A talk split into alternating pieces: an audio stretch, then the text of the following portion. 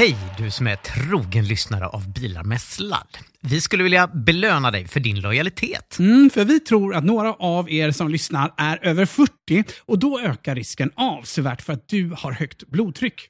Och risken den ökar sedan ju äldre du blir. Högt blodtryck det kan leda till en mängd allvarliga sjukdomar som till exempel hjärtinfarkt och stroke senare i livet. Nästan en femtedel av er som är över 40 har för högt blodtryck och de flesta vet inte ens om det. Jag och Fabian driver vårdcentralen Hälsa Hemma som du möter i vår app. Om du bor i Stockholm, Göteborg eller Malmö och listar dig på Hälsa Hemma vårdcentral så skickar vi hem en digital blodtrycksmätare till dig helt gratis. Blodtrycksmätaren kopplar du till Hälsa Hemma-appen och får där instruktioner om hur du kontrollerar ditt blodtryck. Gå till hälsahemma.se bilar med sladd för att ta del av erbjudandet.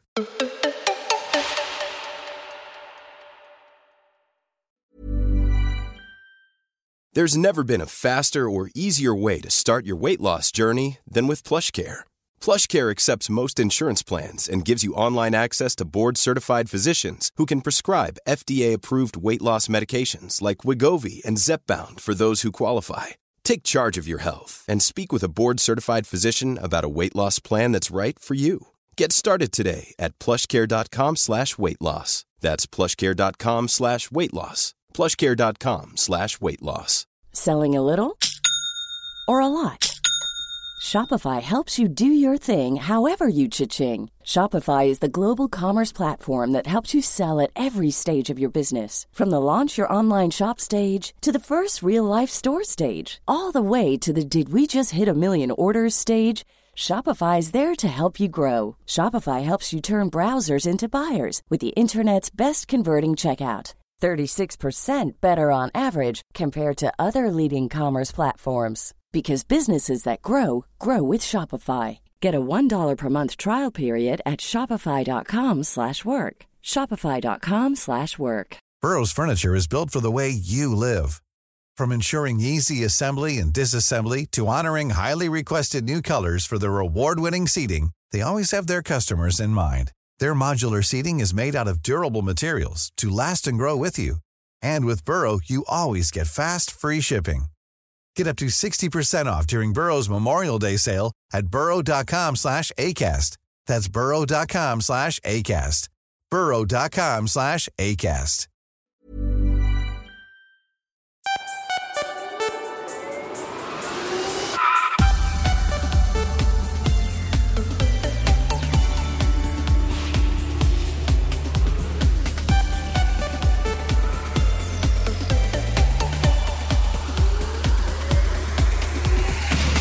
Denna vecka pratar vi med en mineralexpert om det gigantiska fyndet av sällsynta jordartsmetaller i Kiruna. Dessutom allt om Teslas priskrig, den uppdaterade versionen av Polestar 2, Volvos kommande EX30 och så pratar vi priser på begagnade elbilar. Allt detta och mycket mer i Nordens största miljö och elbilspodcast, Bilar med sladd.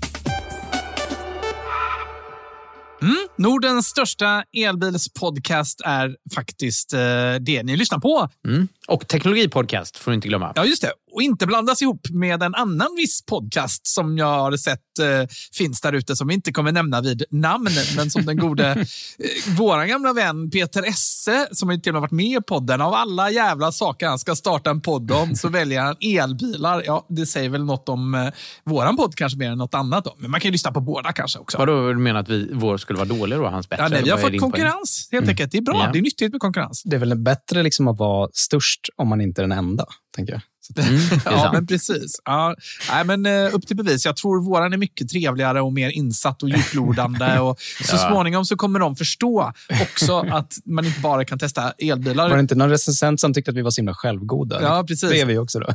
Mm. Ja, men nu testas ju det lite grann. Ja. Det blir spännande, eller hur? Just det. Ja, mm. får Då se. får ni lyssnare skriva till oss och eh, tycka till. Vilken är bäst? Vi eller den här namnlösa? Ja, men det kan vi skriva till den andra om ni tycker att de är bäst. Ja. Som vi inte kommer nämna vid namn, Ja. för då är ju risken att ni slutar lyssna. Så eh, den risken vill vi inte ta. Nej, det är det inte. Våra lyssnare är superlojala. Ja, det är sant. Alfred, du har suttit och tittat på poddstatistik här nu under veckan. Du ringde mig stressad som sjutton. Vi ska prata lite mer om det Ja. sen. Mm, ja, just det. det har varit, eh, för lyssnare som har haft problem med att ladda ner podden så skyller vi allt på tekniken Alfred i det här läget. Och det är ju helt rimligt, för det är ju Alfreds fel. Ja, Ja, får jag ja, ja, försvara ja. mig nu eller ska, ska vi ta det där det hör hemma i programmet? ja, det, var, det var några timmar där vi har svettigt när vi inte riktigt fanns på Spotify och sådär. Så att, eh, det, var, det var lite svettigt ett tag. Men, men vi, vi, jag håller nog ändå med. Ni får, ni får bara uh, trampa på mig så här i inledningen så kan jag berätta sen alla anledningar till varför det strulade lite. Ja. Hur skiljer det sig från hur det brukar vara i podden, undrar jag? Du menar att det alltid är jag som får rätt till slut? Vadå? Ja, ja, det är i och för sig, det är för sig också, ligger också något i det. Jag tänkte på en grej häromdagen, Fabian. Alfred började som praktikant. Ja. Eh, Och nu är han liksom, nu är det han som har, han är ansvarig utgivare. Ja, han har kontroll på Ja. vår poddfeed. Ja, Eh, han är styrelseordförande i vårt bolag. Han liksom nästar sig in i våra liv. Har du, har du sett den filmen Parasiten? Eh, Ja, snart så liksom bara plötsligt försvinner du och så är det liksom Alfred och din fru och liksom, ja, så vet man inte Ja. vad som händer här. Tips från coachen. Kalla inte dina investerare för parasiten. Nej, jag skojar. Ja, det var att ta det lite långt. Det var en film. Ja, just det. Förlåt Ja. Alfred, du var på väg att säga något klokt som du alltid gör. Eh, nej, jag, jag var beredd, att berätta om hur mitt liv som småbarnsförälder är innan ni började berätta hur mitt liv som eh, styrelseproffs och investerare är. Ja, berätta. Ja, men jag, gud, det har varit en eh, händelserik vecka som, som eh, förälder till tvååring. Jag kommer ni ihåg det att jag var ganska intresserad av huruvida min eh, son, när han var nyfödd, hur han skulle liksom härma billjud när han började leka med Ja. bilar. Ja, just det. Ja, det här är ju svårt och alltså det här kommer ju vara det kommer vara svårt att- för honom att hålla sig från brummet tror jag, när Ja. alla på dagis gör det. Alltså, då kommer ju ditt elbilshjärta bli lite ledset här eventuellt. Vi får se. Vad, vad har hänt? Ja, alltså, faktum är att eh, bilar eh, ganska ofta, men ännu mer tåg såklart, då, låter tut tut hela tiden här Ah. istället. Så det är liksom, Mm. Han har valt sig att liksom in, inrikta sig på, på det ljudet mer än att han sitter och liksom fladdrar med läpparna och, och brummar. Liksom. Mm. Men det har, alltså det har gått så långt så att vi, alltså jag, sitter med honom och kollar på så här Youtube, eh, 58 minuter, svenska tåg som tutar. Eh, och, eh, Han tycker om det. nu, nu i helgen så tänkte jag att nu, får vi, nu får vi göra något konstruktivt av det här. Så då åkte, jag tog med honom till eh, Tekniska kvarnen heter det i Örebro. Det är typ som Tom Tits experiment eller Teknikens hus Ah. fanns i Luleå när jag växte upp. Liksom. Men det är så här, teknikställe och de har en jättestor Märklin-järnväg. Han var så här, helt överlycklig. Vi sprang omkring där. Men, men eh, vi var där ganska, vi hängde på låset så där som man kan vara som småbarnsförälder. Eh, så kom vi in där på förmiddagen och då hade vi det här, den här tågbanan helt för oss själva. Och han lyckades hinna etablera leken att vi skulle springa om, gå omkring där i, på rad och sjunga Tingelingeling, nu tåget går Mhm. ut i vida världen. Så det, det gick jag omkring med där på en söndag förmiddag Ja. vid den här tågbanan. Eh, och sen, sen, eh, sen började det komma mer folk. Ja. Men eh, eh, jag fick inte... Jag var, liksom, jag var tvungen att svälja stoltheten. Och sen fick jag bara fortsätta gå omkring där helt enkelt och sjunga eh, de här sångerna. Eh, Fast det är okej när man har barn. Liksom det, Ja. det är he- helt annat om du skulle gått dit själv, liksom, 40-årig man utan barn och sjunga de här sångerna. Då hade folk Ja. reagerat. Men jag tycker annars det är ganska kul. Jag, när jag träffade min, min fru, då var de här uh, klippen på Youtube stora med, kommer ni ihåg de här jätterna som lät helt uh, störda när de, när de bräkte? Som, som liksom, ni vet att får ska ha lite darr på rösten när de bräker. Bä. Bä. Ja, exakt. Ja, men det låter som en människa. Va? Så finns det jätter som bara skriker rakt ut utan Ja, det där vibratot. just det. Liksom. det var en Mm. jättestor grej på, på Youtube där eh, för tio år sedan liksom, när, vi, när vi träffades. Eh, Så då spelade jag in liksom, på Liljeholmstorget helt själv. Och då, då kan jag säga, då fick jag klättra över en hel del inre spärrar när jag så här, bara en selfie-video bland allt folk på, på Liljeholmstorget och så bara körde rakt ut. Sån, Bräk. Bräkte. Så här, liksom, Var det så du fick Angelica att falla för dig? Ja, det var, en, det var en, en, en bidragande orsak tror jag, till, att, till att hon föll. det var en konstig inblick i ert förhållande, måste jag säga. En obehaglig inblick. Ja. ja, men det är roligt, för alla par har ju såna där eh, egna eh, fånigheter, eller hur? Ja, men man, man Eh, måste ju bjuda på sig själv, tänker jag. Att, eh, Ja, ja. men precis. Mm. Eller vad är din fånighet, Fabian? Du kanske hade någon på, på gång? Eh, men jag tror att jag jag känner mig inte helt bekväm att dela med mig. För det, alltså, vi har så mycket fånigheter att det är helt olidligt. Och jag kan väl säga så här mycket att Anders har ju råkat höra mitt tonläge när jag pratar med Erik vid något tillfälle utan att jag tänkte på att du hörde det, Anders. Jag har hört det många gånger. Du, du ändrar dig helt. Du blir så här, men hej gubben, vad mysigt. Kan du inte köpa mig lite kaffe? Ibland när man ringer Fabian på helgerna så märker man att du har varit i det läget ganska länge. Liksom, för då får man, det är en helt annan, mjukare ton. Liksom. Det är lite avslappnat så. så jag är ond på vardagarna när jag jobbar som vd. Ja, men chefen Fabian är borta. Liksom. Ja, verkligen. Eh, nej, men, eh, precis, nu har du fått mig att bli lite... Ja, det var lite svettigt. Nu blev du lite rosig om kinderna nästan. Ja, faktiskt. Nej, men så, så illa är det inte. Jag överdrev för komisk effekt. Ja, ja. Men hörni, eh, är ni intresserade lite grann nu att höra hur det går med min eh, Tesla Ah. som jag har beställt för ett tag sedan? Ja, just det. Jag trodde du skulle liksom, eh, få vänta på den tills det kom en facelift åt dig. Men, men det, nej, Ja. nu är den på gång. Eller? Nej, men det verkar som att den är på gång. Nästa Mm. vecka, det vill säga den här veckan då, när det här släpps, eh, så kommer den att eh, levereras, verkar det som. Ja, och då ska vi se. Du har idag en Model 3 från 2019 och du ska byta den nu till en Model 3 från 2023 då. Ja, så det har hänt ganska mycket på de här åren emellan, på nästan fyra år. Eh, och det är ju värmepump som har tillkommit bättre, ledljus och det är, eh, jag tror de har ändrat batteriet lite grann så det är något större och så är det ju hur de här, att det är svart istället, så här Chrome Delete och som det heter. Just det. Eh, Förlåt, ledljus eller LED-ljus? LED ska det nog vara. LED-ljus. LED-ljus. Ja. Eh, LED, LED, LED, LED. Ja. Eh, det var bara några grejer och sen är det lite uppgraderad autopilotutrustning och sånt där tror jag. Och så har de ju tagit bort de här jävla ultraljudssensorerna så ni kommer få höra till leda om hur jag kör på olika saker i garaget och smådjur och sådär. Eh, men nu är den på gång och då har jag då en bil över. Eh, Så den ska ju då säljas. Så då har jag kollat lite grann. Dels har jag skickat in prisförfrågan till Tesla. Det var ju skit att man inte gjorde det innan de sänkte priserna. Hade man haft riktigt tur så hade man ju fått en prisuppgift och sen så hade man då fått det billigare priset när man får ut sin Tesla. Just det. Just det, Men för du får det billigare priset på din nya Tesla? Visst är det så? Jag vet ju inte än vad de har. De har inte svarat än på, på min prisförfrågan. De, Jo, men det har de ju gått ut och kommunicerat att alla som har liggande beställningar ska få det nya lägre priset. På, Ja, men, jo, precis. Ja, ja, det har de gjort. Ja, Ja, jo, men det sa de ganska snart. Att de, eh, att de, så att jag eh, har ju fått en bil som plötsligt blev 120 000 billigare. Just. Eh, Så, så jag ska väl kanske inte klaga någonstans. Nej. Vi får se då, dock om det är så att jag får 120 000 mindre för min gamla bil. Mm. Det, det är väl upp till bevis lite grann. Men eh, första problemet är ju att någon ska vilja ha den till att börja med. Mm. Eh, för att Tesla har jag inte fått något svar från än. Nu har det bara gått tre dagar eller något sånt sedan jag skickade in bilderna där. Jag skickar dock in bilderna med Hälsa Hemma-dekoren. Jag hoppas att de fattar att den ska bort. För jag har inte hunnit ta bort det. Så vi får se vad som händer med det. Eh, så att det inte blir att ah, vi drar av 20 000 för att vi ska ta bort dekoren. Bara, ah. Ja, liksom, ska du sälja den till våra lyssnare så får du ju kanske vara beredd att sänka priset rejält med tanke på hur transparent det har varit om alla kollisioner. Och sådär. Med alla skador. Ja, exakt. Nej, men det har inte varit några kollisioner. Kom igen nu. Det är, bara, det är så lätt och det är så öppet mål att retas med dig på det här. Små fadäser, eh, garage eh, som hoppar fram och sånt där. Det är sådana spännande saker som, som händer ibland. Nej, men den är ganska gott skick skulle jag vilja hävda för att gått så pass långt. Den har gått nästan 10 000 mil. Eh, Och Det är bra att den faktiskt inte gått över 10 000 mil, för det kan vara någon slags hård gräns där, där priset eh, sticker neråt. Eh, men jag skickade in en begäran till de här. Det finns två tjänster som är, mm, riktade mot elbilar. Det finns ju Blipp, som vi har haft uppe som sponsor i podden tidigare.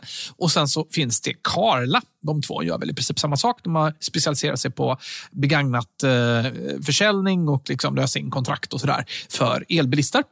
Eh, och eh, Carla eh, la jag en eh, liten fråga till och fick ganska snart ett svar att vi tar inte emot Tesla. Och det är nu då i och med att nya elbilar... Ja, i och med prissänkningen. Då. Och Det är, det är väl för att det är lite turbulent på marknaden just nu, att man inte vet riktigt vad priserna kommer ligga på. Ja, så då mejlade jag tillbaka och frågade så här, men är du säkra på att ni inte ska liksom, vill säga någonting mer till bilar med sladd? och då sa de att nej, då får du ringa presstjänst. Ja, så blev det med det. Så Carla, screw you, det blir ingenting med det. Eh, utan eh, Blipp har jag ju faktiskt fått något prellpris från. Eh, som kom direkt redan innan man skickat bilder. Men det är någon slags annonssajt, det hade inte jag riktigt fattat. Det är lite blocket över det också. Så då måste ända upp bilder och sådär. Så långt har jag inte riktigt kommit då än. Eh, så vi får väl se om jag blir av med min bil. Om någon är sugen på att köpa den för ett rimligt pris så är man ju naturligtvis välkommen att höra av sig. Den Mm. har ju affektionsvärde naturligtvis. Den kommer med, vad är det det heter när tavlor och sånt har, eh, pro, proviens heter det va? Ja, just det. Ja. Det kanske det gör. Mm. Den är ju känd din bil också. Vi har ju hört om den till leda i det här Ja, programmet. jag menar det. Ja, men kanske ska överhuvudtaget, om, eh, om, när den, innan den går till salu kanske hos Tesla, det blir ju ganska troligt kanske att det är Tesla som säljer den. Känd från radio kan du sätta Ja. på annonsen. Ja, men jag menar att då skulle man kunna, vore inte det roligt ändå att gömma någon liten lapp någonstans Jo, jag, i jag skulle, vart ska man gömma den då? Liksom? Är det un, under liksom, solskyddet? Då hittar man den ju rätt snabbt. Liksom. Men ska du sticka Ja. in den i liksom, någon glipa i, i mittkonsolen? Ja, men exakt. Du tänker att de ska hitta den efter, liksom, efter de har köpt den? Vad är motsvarigheten till bakom tavlan på en bil? Liksom? Alltså eftervärlden kommer ju hitta ett antal P-tillstånd som har halkat ner framför framrutan här ändå. Så det blir spännande eh, kan jag säga. Skulle du inte kunna gömma en lapp som är designad så att de hittar den typ om ett år eller någonting när de gör vindrutetorkebyte eller någonting. Den så börjar de skri- lukta. Ja, men så kan du skriva, ja, just det, när de byter kupéfiltret kan du ha gömt den där inne. Ja, just det. Ja, Men för då skulle du kunna skriva på lappen så att denna bilen har skadats otaliga gånger men det visste du inget om när du köpte den. Det är inte Är den mindre så... värd för dig nu? Nej, sluta nu. Så illa... Sluta förstöra och sabotera min bilförsäljning, killar. Eh, nej, men det blir ju eh, det blir i alla fall spännande. Ni kommer höra naturligtvis allt om skillnaden på en Tesla på fyra år.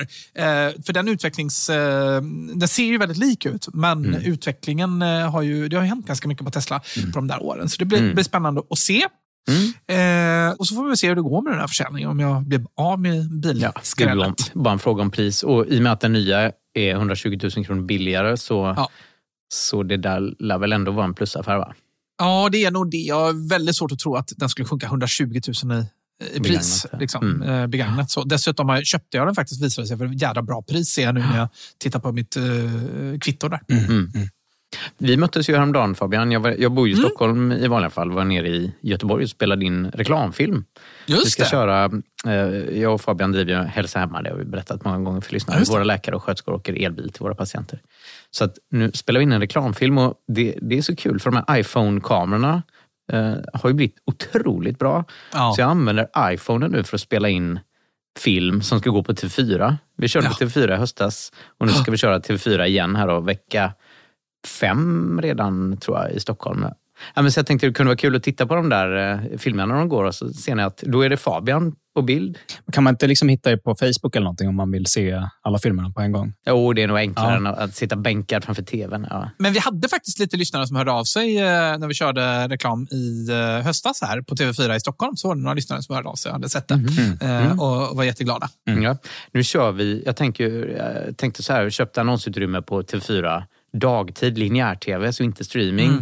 Och jag tänker, så här, min teori är att de som tittar på linjär-TV, de är liksom gamla och sjuka och så, Japp. tänker jag, som går hemma. Och, Ja, och det är de som behöver en vårdcentral förstås. Precis, exakt. Mm.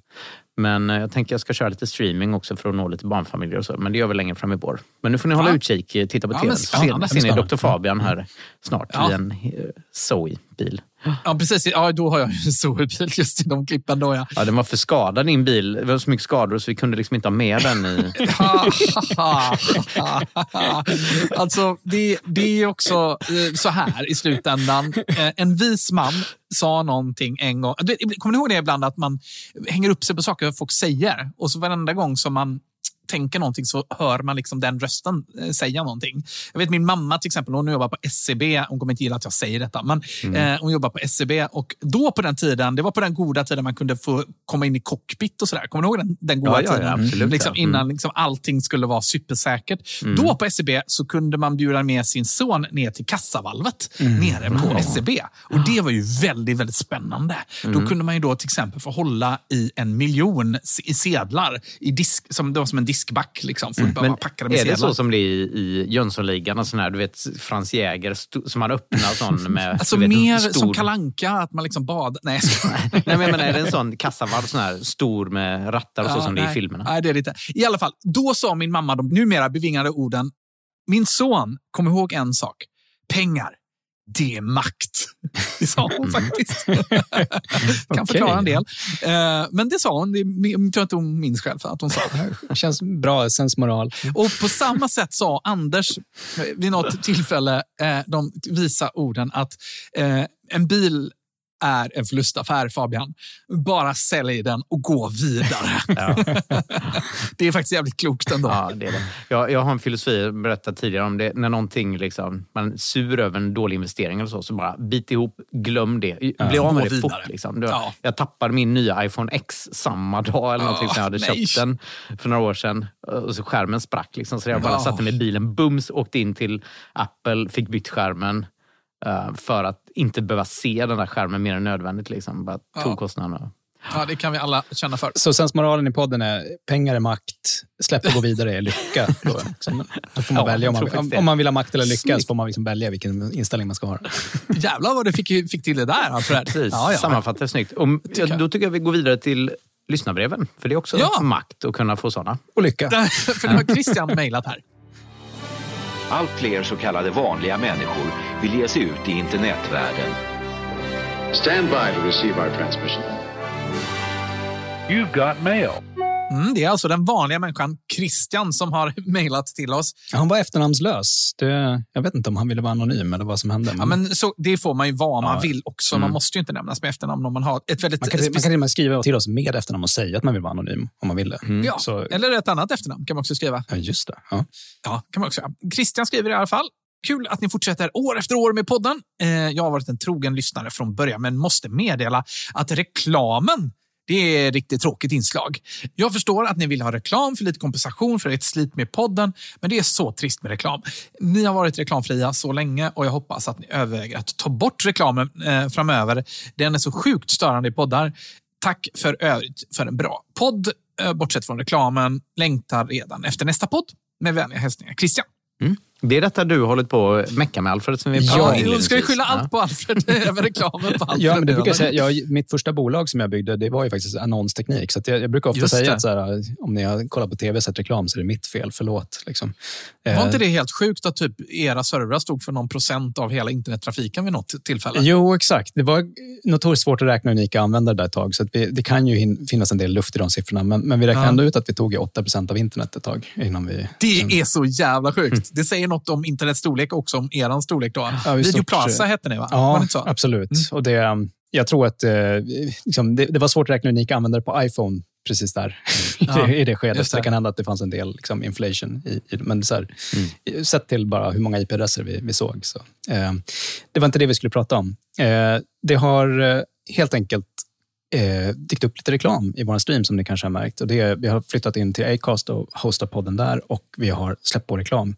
För som Christian är inne på så behöver vi få lite pengar till podden för att finansiera att vi faktiskt inte gör det här. Vi gör ju det helt på hobbybasis där. Det är ingen av oss som tjänar några pengar på, på podden som det är. Men däremot har vi lite omkostnader för att göra podden och eh, nu när vi inte har tid att redigera själva utan behöver extern hjälp med det så måste vi åtminstone bära kostnaderna. Och då har vi tänkt att reklamen kan göra ett eh, litet tillskott där. Då. Men faktum är att vi också kommer att erbjuda möjligheten att för eh, ungefär en billig kaffekoppspris per avsnitt eh, lyssna på podden helt reklamfritt även framåt. Så om man vill hjälpa oss och stödja oss och slippa den här reklamen då kommer det framgent finnas ett ännu mer konkret sätt att hjälpa oss än att hålla på och uppge oss när man byter elbolag eller något sånt där. Utan nu kan man faktiskt helt enkelt prenumerera på oss. Eh, och Det kan man göra om man lyssnar i, via Apple som vi ser att många av er gör. Så är det egentligen bara att gå in på feeden och klicka på knappen där för att uppgradera. Då kan man få lyssna, eh, eh, testa, testa på gratis och gå över i, i den betalfiden som det kallas. Eh, och så är det någon vecka efter att man har gjort det som då kommer det gå över till att det börjar kosta 29 kronor i månaden.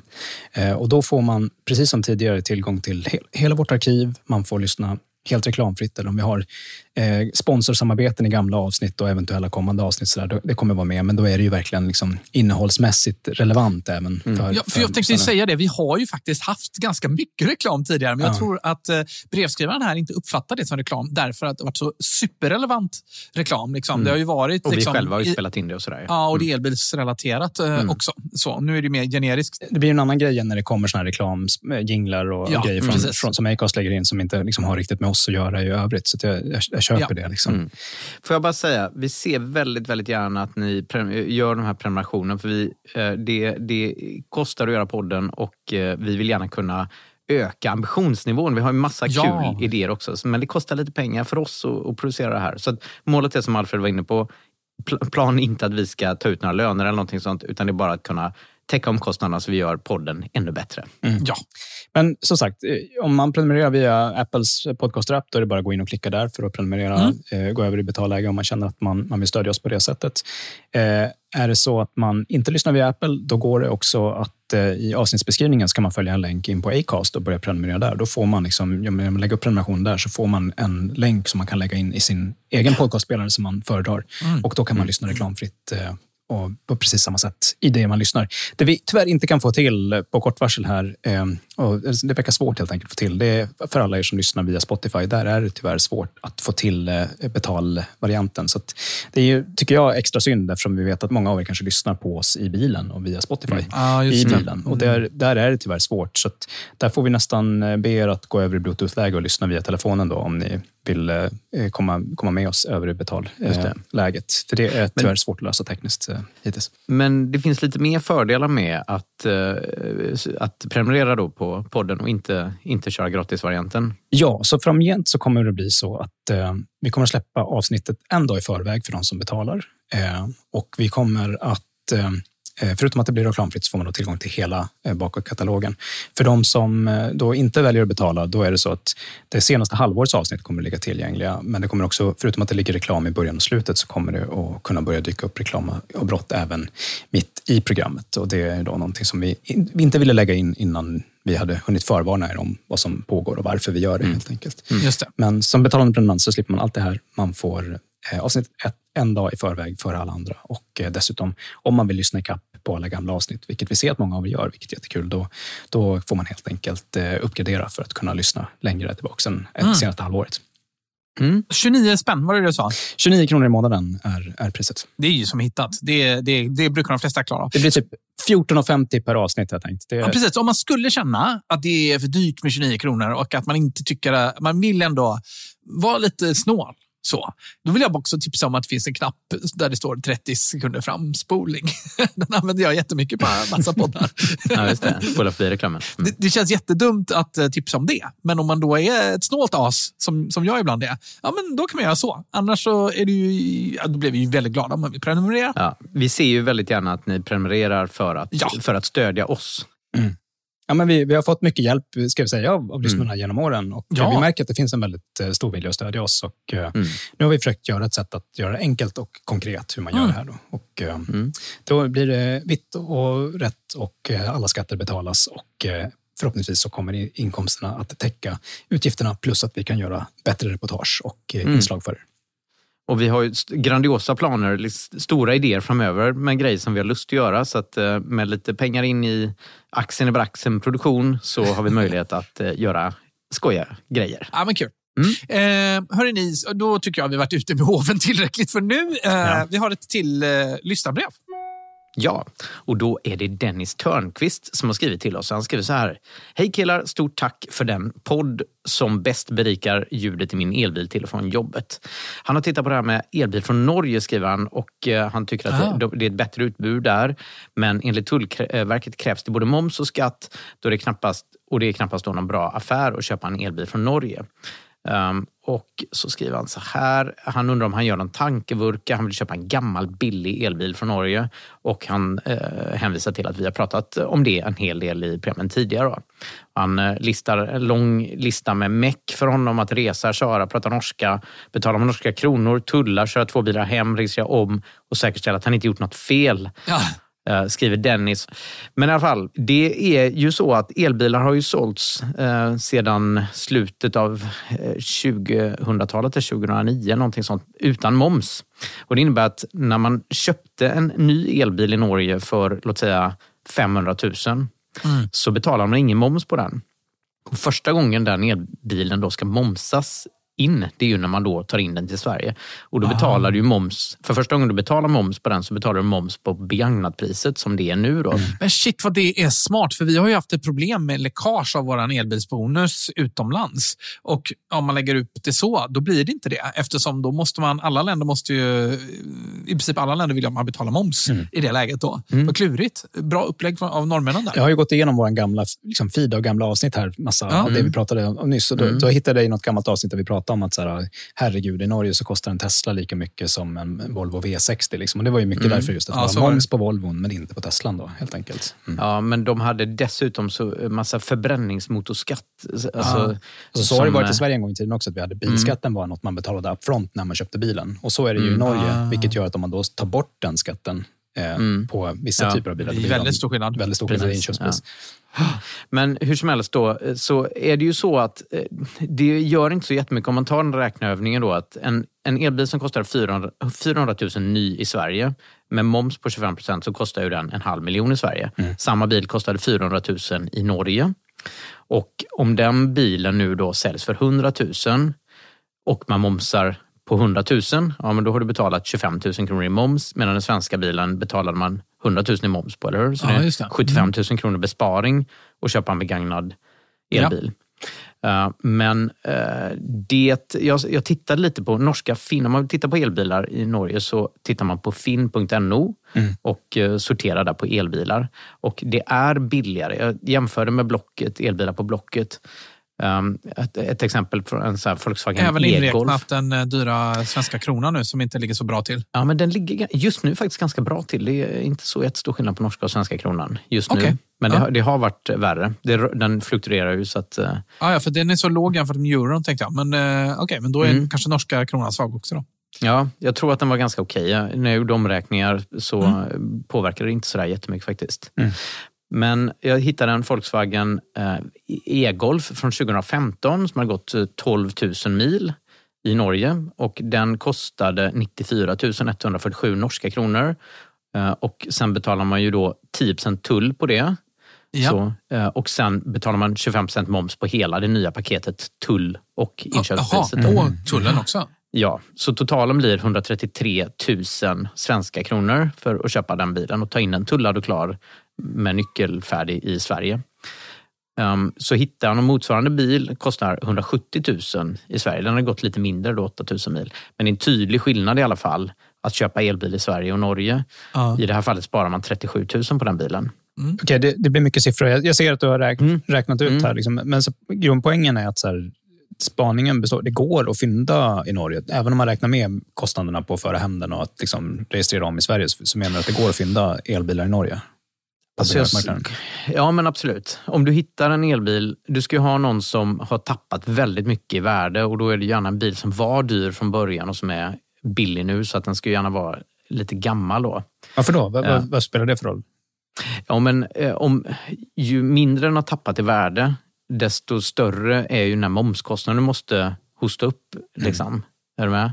Så att, ehm, så att en, att köpa en ny elbil är inte särskilt... Men är inte eh, det viktigaste egentligen bara att jämföra med vad motsvarande bil skulle kosta i Sverige för att bedöma om man fyndar eller inte? Liksom? Jo, Mm. definitivt. Absolut, absolut. Men bilarna kostar ju nya ungefär lika mycket i Sverige och Norge. För vi har inga ytterligare skatter. Det är bara momsen egentligen som, Mm. en, som är den skatten som, som kom på svenska bilar.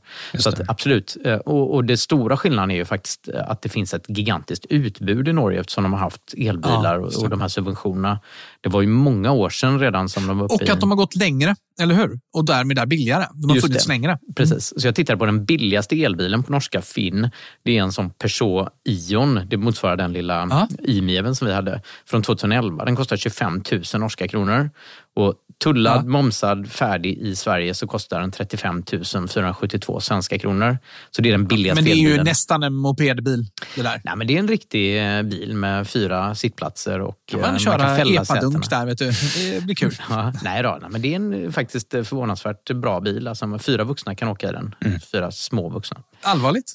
Ja, fyra ja, vuxna av vår storlek. Liksom. Ja, vi är ganska Mm. korta. Faktiskt alla vi tre i podden är lite korta faktiskt, både Alfred, Anders och jag. Ja, Jag satt och kollade på bilder bredvid oss. Jag bara, det är sällan jag ser så lång ut som jag gör i det här sällskapet. Det är bra. Kan det vara en slump? I think not. Men i alla fall så tittade jag den billigaste sån här elbil av den typen då i Sverige kostar 75 000 på Blocket. Det var den billigaste elbilen jag hittade på Blocket, kostar 75 000 och billigast i Norge 35 000 då, svenska kronor. Så att det är framförallt ett gigantiskt utbud som finns i Norge. Jag tror inte det är inte jättemycket pengar att spara, särskilt inte om man räknar in arbetstid och resa och Ja, allt meck som, som ska till där. Då. Men du, de eh, har väl slutat att eh, ta bort, eh, att liksom slopa momsen på elbilar nu i Norge? Så om man köper, så är det borta. ja, Så och så vad eh, händer om man köper en sån som bara haft en ägare som kanske har gjort sig av med bilen efter någon månad eller så? Vad, vad händer då? då? Ja, då fyndar du inte. Då är den dyr helt enkelt. Exakt. Nej, men det vet ju alla att eh, liksom, vad det, 10% av bilens pris går ner direkt man bara sätter sig i den ungefär första gången. Jo, men du har 10% tull på att ta in skiten i, i Sverige Ja, ja, också. okej, så det är inte att, aktuellt eh, ändå? Nej, det är, det är nog ingen större poäng. Särskilt Nej, inte okej. om de säljs med moms i Norge. Då är man ju bara dum i huvudet om man åker dit och köper den. Nej, Men när slutar, när, när slutar de med momsen då? Men det var nu vid årsskiftet Ja, som de tog mm. bort. eh, Ja, det så, så. och det är fortfarande Ja, momsbefriat på elbilar med lägre pris. Så det, det är Aha. framförallt de eh, dyra eh, elbilarna som, som nu inte är momsbefriade längre. Så Porsche Taycan och eh, Tesla Model S och X till exempel är inte momsfria längre. Ah, ja, ja. Okej. Ja, Ja, vad bra research, Anders. Det, det Ja. här eh, känns som att det klargjorde för alla att det kan, om vi ska slutklämmen här, blir väl då att det kan vara aktuellt att köpa bilar i Norge för att utbudet av större bilar har gått längre för att de har också funnits läng längre tid där då. Eh, och att eh, det beror lite på, men det kan vara en bra affär. Men det är ganska mycket jobb också då, förstås, att göra det det är här. det. Då. Du har ju gjort detta. Hur mycket jobb var det? Det var jag krångel gjorde- med försäkringar och grejer. Alltså, jag gjorde ju det. När vi, vi bodde ju i Norge så tullade Ja. jag in bilarna när vi flyttade hem. då. Och det var, ska jag säga, ett helvete. faktiskt. Ja, det vill jag minnas också. Ja. Ja, men framförallt för att det är så oerhört lite information om hur man gör för att ta in en bil som flyttgods och så är det en massa varningar. Så att om du gör fel så kan du behöva tulla Ja. in eller Ja. betala. Du vet, sådär. Så det var väldigt otydligt hur man gjorde. Och, men det gick bara att göra på, vid de här gränsstationerna i alla fall. Ja. Så att, eh, det var ju sjukt orolig för när jag åkte dit. att Det var ju tvungen att funka då. Men det gjorde det. Då eh, fixade de allting på plats där. Så det gick Okej. bra. Hur lång tid tog det när du väl var där? Ja, det tog ju kanske 44 minuter och sen var jag på toaletten. Och så. Ja. Ja. men låt säga en timme kanske. Okej, men så tyvärr, du, du, du har betydligt mer tid på att kolla hur du skulle göra det än vad det faktiskt Definitivt. gjorde att bara Ja, göra det. absolut. absolut. Så jag antar att när man, om man ska köpa en bil i Norge så åker man dit, köper bilen och sen går man in på gränsstationen Mm. på tull, tullen där och så fixar de allt med papperna och så. Och har du gjort en dålig affär så är det bara att släppa och gå vidare, har vi konstaterat. Ja, Ja, exakt. Fan vad du Eh, knyter ihop allt i det här programmet, Alfred. Ja, väldigt. Ja, Ja, ja. Ja. Jag hade tänkt säga något, men nu kan jag inte säga något för det var så himla fint ihopknutet. Ja, men nu sa jag något ändå. Så att, Ja. ja. ja, nu går vi vidare. Mom deserves the best, and there's no better place to shop for Mother's Day than Whole Foods Market. They're your destination for unbeatable savings, from premium gifts to show-stopping flowers and irresistible desserts. Start by saving 33% with Prime on all body care and candles. Then get a 15-stem bunch of tulips for just $9.99 each with Prime. Round out Mom's menu with festive rosé, irresistible berry chantilly cake, and more special treats. Come celebrate Mother's Day at Whole Foods Market. Ready to pop the question? The jewelers at BlueNile.com have got sparkle down to a science with beautiful lab grown diamonds worthy of your most brilliant moments. Their lab grown diamonds are independently graded and guaranteed identical to natural diamonds, and they're ready to ship to your door. Go to BlueNile.com and use promo code LISTEN to get $50 off your purchase of $500 or more. That's code LISTEN at BlueNile.com for $50 off. BlueNile.com code LISTEN. Ha ha ha. Och det som såklart ingen har missat är att eh, i Kiruna har man hittat eh, sällsynta jordartsmetaller. Det har varit på toppnyhet. Eh. Ja, det där är ju ett PR-jippo av dess like. Jag kan ju känna att det här visste vi typ lite om redan. Vi har ju intervjuat eh, folk Vi sa ju att om det fanns i slagget så borde det ju också finnas Ja. i gruvan. Mm. Ja, exakt. alltså, det, här, det här var ju en vältajmad nyhet i samband med att EU-toppmötet var ju också eh, Mm. i, i Sverige. Ju. Eh, och eh, jag kan tycka, liksom, alltså, det har ju varit eh, på eh, alltså, Rapport och Aktuellt haft det på ettan liksom, för, för som första nyhet. Och, och sådär. Det har varit väldigt exponerat. Eh, nästan lite väl exponerat. Nej, men det här är ju fantastiskt roligt tycker jag. Alltså, det är så oerhört kul för landet Sverige att kunna plocka fram grejer ur berggrunden som, som behövs i framtiden. Det, alltså det här kan verkligen positionera oss Ja, fantastiskt. ja, absolut. Eller hur? Ja. Men, men för liksom, jag, jag tänker, vi har ju, när man såg nyheten först så reagerade jag också som du Anders. Bara, det här är ju den nya oljan och nu, det här, Mm. här kan Sverige liksom ta. Mm. Och sen så när man börjar kolla på vad är värdet då av det, om man bara jämför med, menar, hur, mycket, hur mycket järn och stål som LKAB säljer och hur mycket Mm. de omsätter på det. Eh, så, så det handlar liksom om, det, det kommer bli, även när det här är i full skala och om det lyckas så, säga, så kommer det handla om några få procent av deras omsättning jämfört med liksom, järn Jo, men vad fasen, LKAB har ju hållit på med järn sen liksom, Hedenhös. Liksom. Jo, Kom jo, igen, men- de har hållit på ganska länge och skalat Jag upp har det. lite siffror på det faktiskt sen, så vi kan prata lite, eh, lite om det där. Men det är ju en exponentiell utveckling i antalet applikationer där man behöver den här typen av eh, mineral och sådär. Så att det, man kan inte titta på hur efterfrågan i EU ser ut just nu, utan du måste titta på hur ser den ut om 10-15 år. Det är väldigt svårt att eh, gissa sig till det, eller hur? Men vi vet att det finns en enorm efterfrågan och det bryts ingenting i Europa överhuvudtaget. Allt bryts i Kina nästan, som används i världen. Just det här begreppet sällsynta jordartsmetaller är ju också lite förlegat. För det har ju visat sig att de är ju inte så sällsynta. Utan de finns ju spridda runt om på hela planeten. Men däremot det som är sällsynt är ju att man bryter dem. Eh, Det är ju Ja. inte så vanligt. Då. Ja, men det, var, det var liksom det jag fiskade efter. För de, de är inte sällsynta överhuvudtaget. Utan det är sällsynt att man kan få ekonomi i att utvinna dem och Ah, anrika ja. dem. Så att det, liksom, de det är finns... sällsynt av massa olika anledningar och det kommer Erika Ingvald berätta för oss om. Hon jobbar på, hon är någon Aha. eh, divisionschef på SGU, Sveriges geologiska undersökning och henne har jag intervjuat och då lät det så här. Ja, men härligt. Då säger vi välkomna till Erika Ingvald till programmet. Välkommen! Tack så mycket, kul att vara här. Ja, igen, det är andra gången du är med oss. Ja, härligt. Visst är det. Särskilt nu när eh, alltså det här med Kirunagruvan och sällsynta jordartsmetaller och så. Det måste vara jättekul för dig nu. Det är jättekul. Alltså det är så roligt att LKAB har lyckats med det här och det är jättebra för Sverige och för Europa på lång sikt. Ja. Så det är ju superroligt verkligen. Du är från SGU. Vad är det för någonting? Det är en myndighet, Sveriges geologiska undersökning. Det är den myndighet i Sverige som har ansvar för att eh, samhället ska få kunskaper om geologin som, som samhället behöver. Och då kan det vara det här som vi pratar om nu, förutsättningar för att starta en gruva, men det kan också handla om grundvattenfrågor, grundvattenförsörjning eller skred och ras. Allt som rör eh, jord, berg och grundvatten. Och vi har också kartläggning till havs faktiskt. Mhm. Och, men, och som jag minns sist vi pratade så berättade du att förr i tiden så höll vi också på att prospektera i Sverige. Eller i alla fall gjorde provborrningar och så. Ja. Men det gör vi inte längre då. Nej, vi slutade med det. Staten slutade med det runt 1992. Mm. Och det är ju för att eh, det är ju risk, hög risk när man prospekterar för det är så svårt att hitta bra fyndigheter. Mm. Och då ville man inte att skattepengar skulle användas i det utan man ville använda privata pengar istället. Ja. Men hur mycket blir det privata pengar för att leta efter spännande grejer i berget? Eh, I Sverige så ligger de investeringarna på mellan en halv och en miljard om året Mhm. nu för tiden. Mm. På den tiden när vi, staten, prospekterade så kanske det låg mellan 50 och 200. Mhm. Okej. Och staten var inte särskilt lyckosam heller att hitta nya fyndigheter som och utveckla dem framför allt. Men vi har ju glädje av det arbetet än idag för att vi har sparat alla borrkärnor och vi har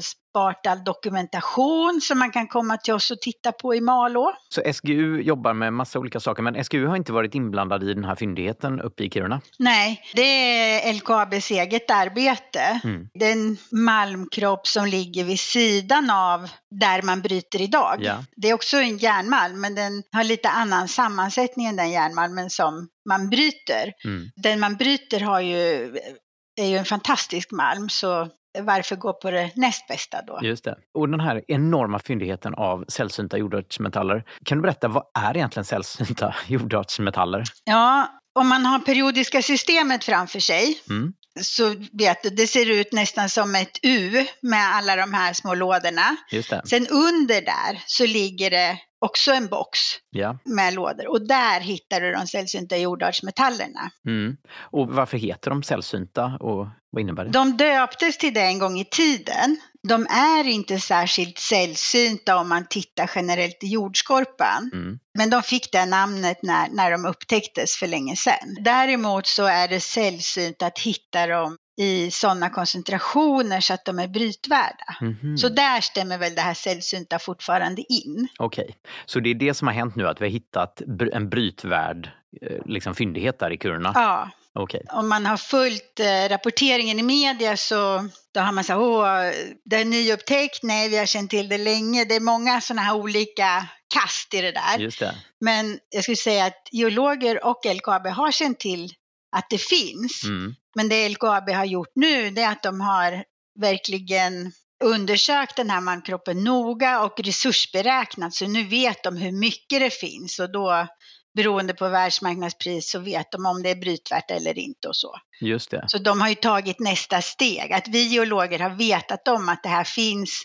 Det är inte samma sak som att säga att nu, nu har vi någonting att räkna på ifall vi vill bryta det. Jag förstår. Vad är det då som är svårt med att utvinna de här? Det är ju en bra fråga. Egentligen så tror jag det är inte särskilt svårt Mhm. att göra det. Vi har ju andra fyndigheter i Sverige också, Norra Kärr och eh, Olserum. Mm. Det som är en fördel med Norra Kärr och med i Kiruna det är att det är väldigt låga halter av uran i fyndigheterna. Mhm. I Olserum är det högre halter och i de här fyndigheterna i Kina är det högre halter. Så det är det som har gjort att det har funnits en rädsla till exempel i Norra Kärr. Mm. Ja, man, det är väl det som är svårt. Nu är det dessutom förbjudet att utvinna uran i Sverige, men även om det hade varit tillåtet, hur gör vi det på ett bra sätt? Okej, så man är orolig för uranet? Ja. Okej. Ja. Jaha. Men det finns ju inte de här höga halterna alls i Kiruna då till exempel. Mm. Ja, vad spännande. Mm. Inte trodde jag att det var geologer som skulle bli de nya hjältarna. Det är de som i serien Big Bang Theory brukar omnämnas av Sheldon där som Oh no, not- the dirt people. Eh, av, kan- av, av alla de liksom institutionerna så tyckte han att de var lägst. jag kan men eh, tänka look mig- at them now. Jag kan tänka mig att de som eh, liksom intresserade sig för berg och sånt ansågs Ja. lite nördiga förr i tiden när man liksom pekar finger åt dem och så. Verkligen. Men se nu, liksom, det är ju nya guldet. Utan de har- geologer Jajamensan. stannar samhället. Och liksom Ja. Förut på andra, gamla festerna så har de liksom bara, folk har bara himlat med ögonen Ja. åt dem. Men nu är det rätt, liksom, äntligen. Men jag satt i alla fall och pratade i 40 minuter med Erika. Hon är så otroligt duktig. Det är sjukt roligt. Mm. Alltså, jag sköt hur mycket frågor som helst. Hon eh, kan allt eh, som har med Ja, berg perfekt. att göra. Ja, det är, Det är roligt också att hon bara, att hon bara så här, ja men eh, om man har sitt periodiska system framför sig, man hör man Anders bara, mm. ja, nej, men faktum att... Som man ju har. ja, nej, men jag, och jag har faktiskt suttit med min dotter lite eh, Ja. och hjälpt henne att plugga kemi och sådär. Så att jag har periodiska systemet, tack och lov, ganska uppdaterat. Det ligger ju en, box där nere med de där som heter massa Ja. amerikum och konstigheter Ja, där nere. och får jag säga lite trivia då för att uh, stila lite grann. En av de där sällsynta jordartsmetallerna som ligger där nere är ytterbium.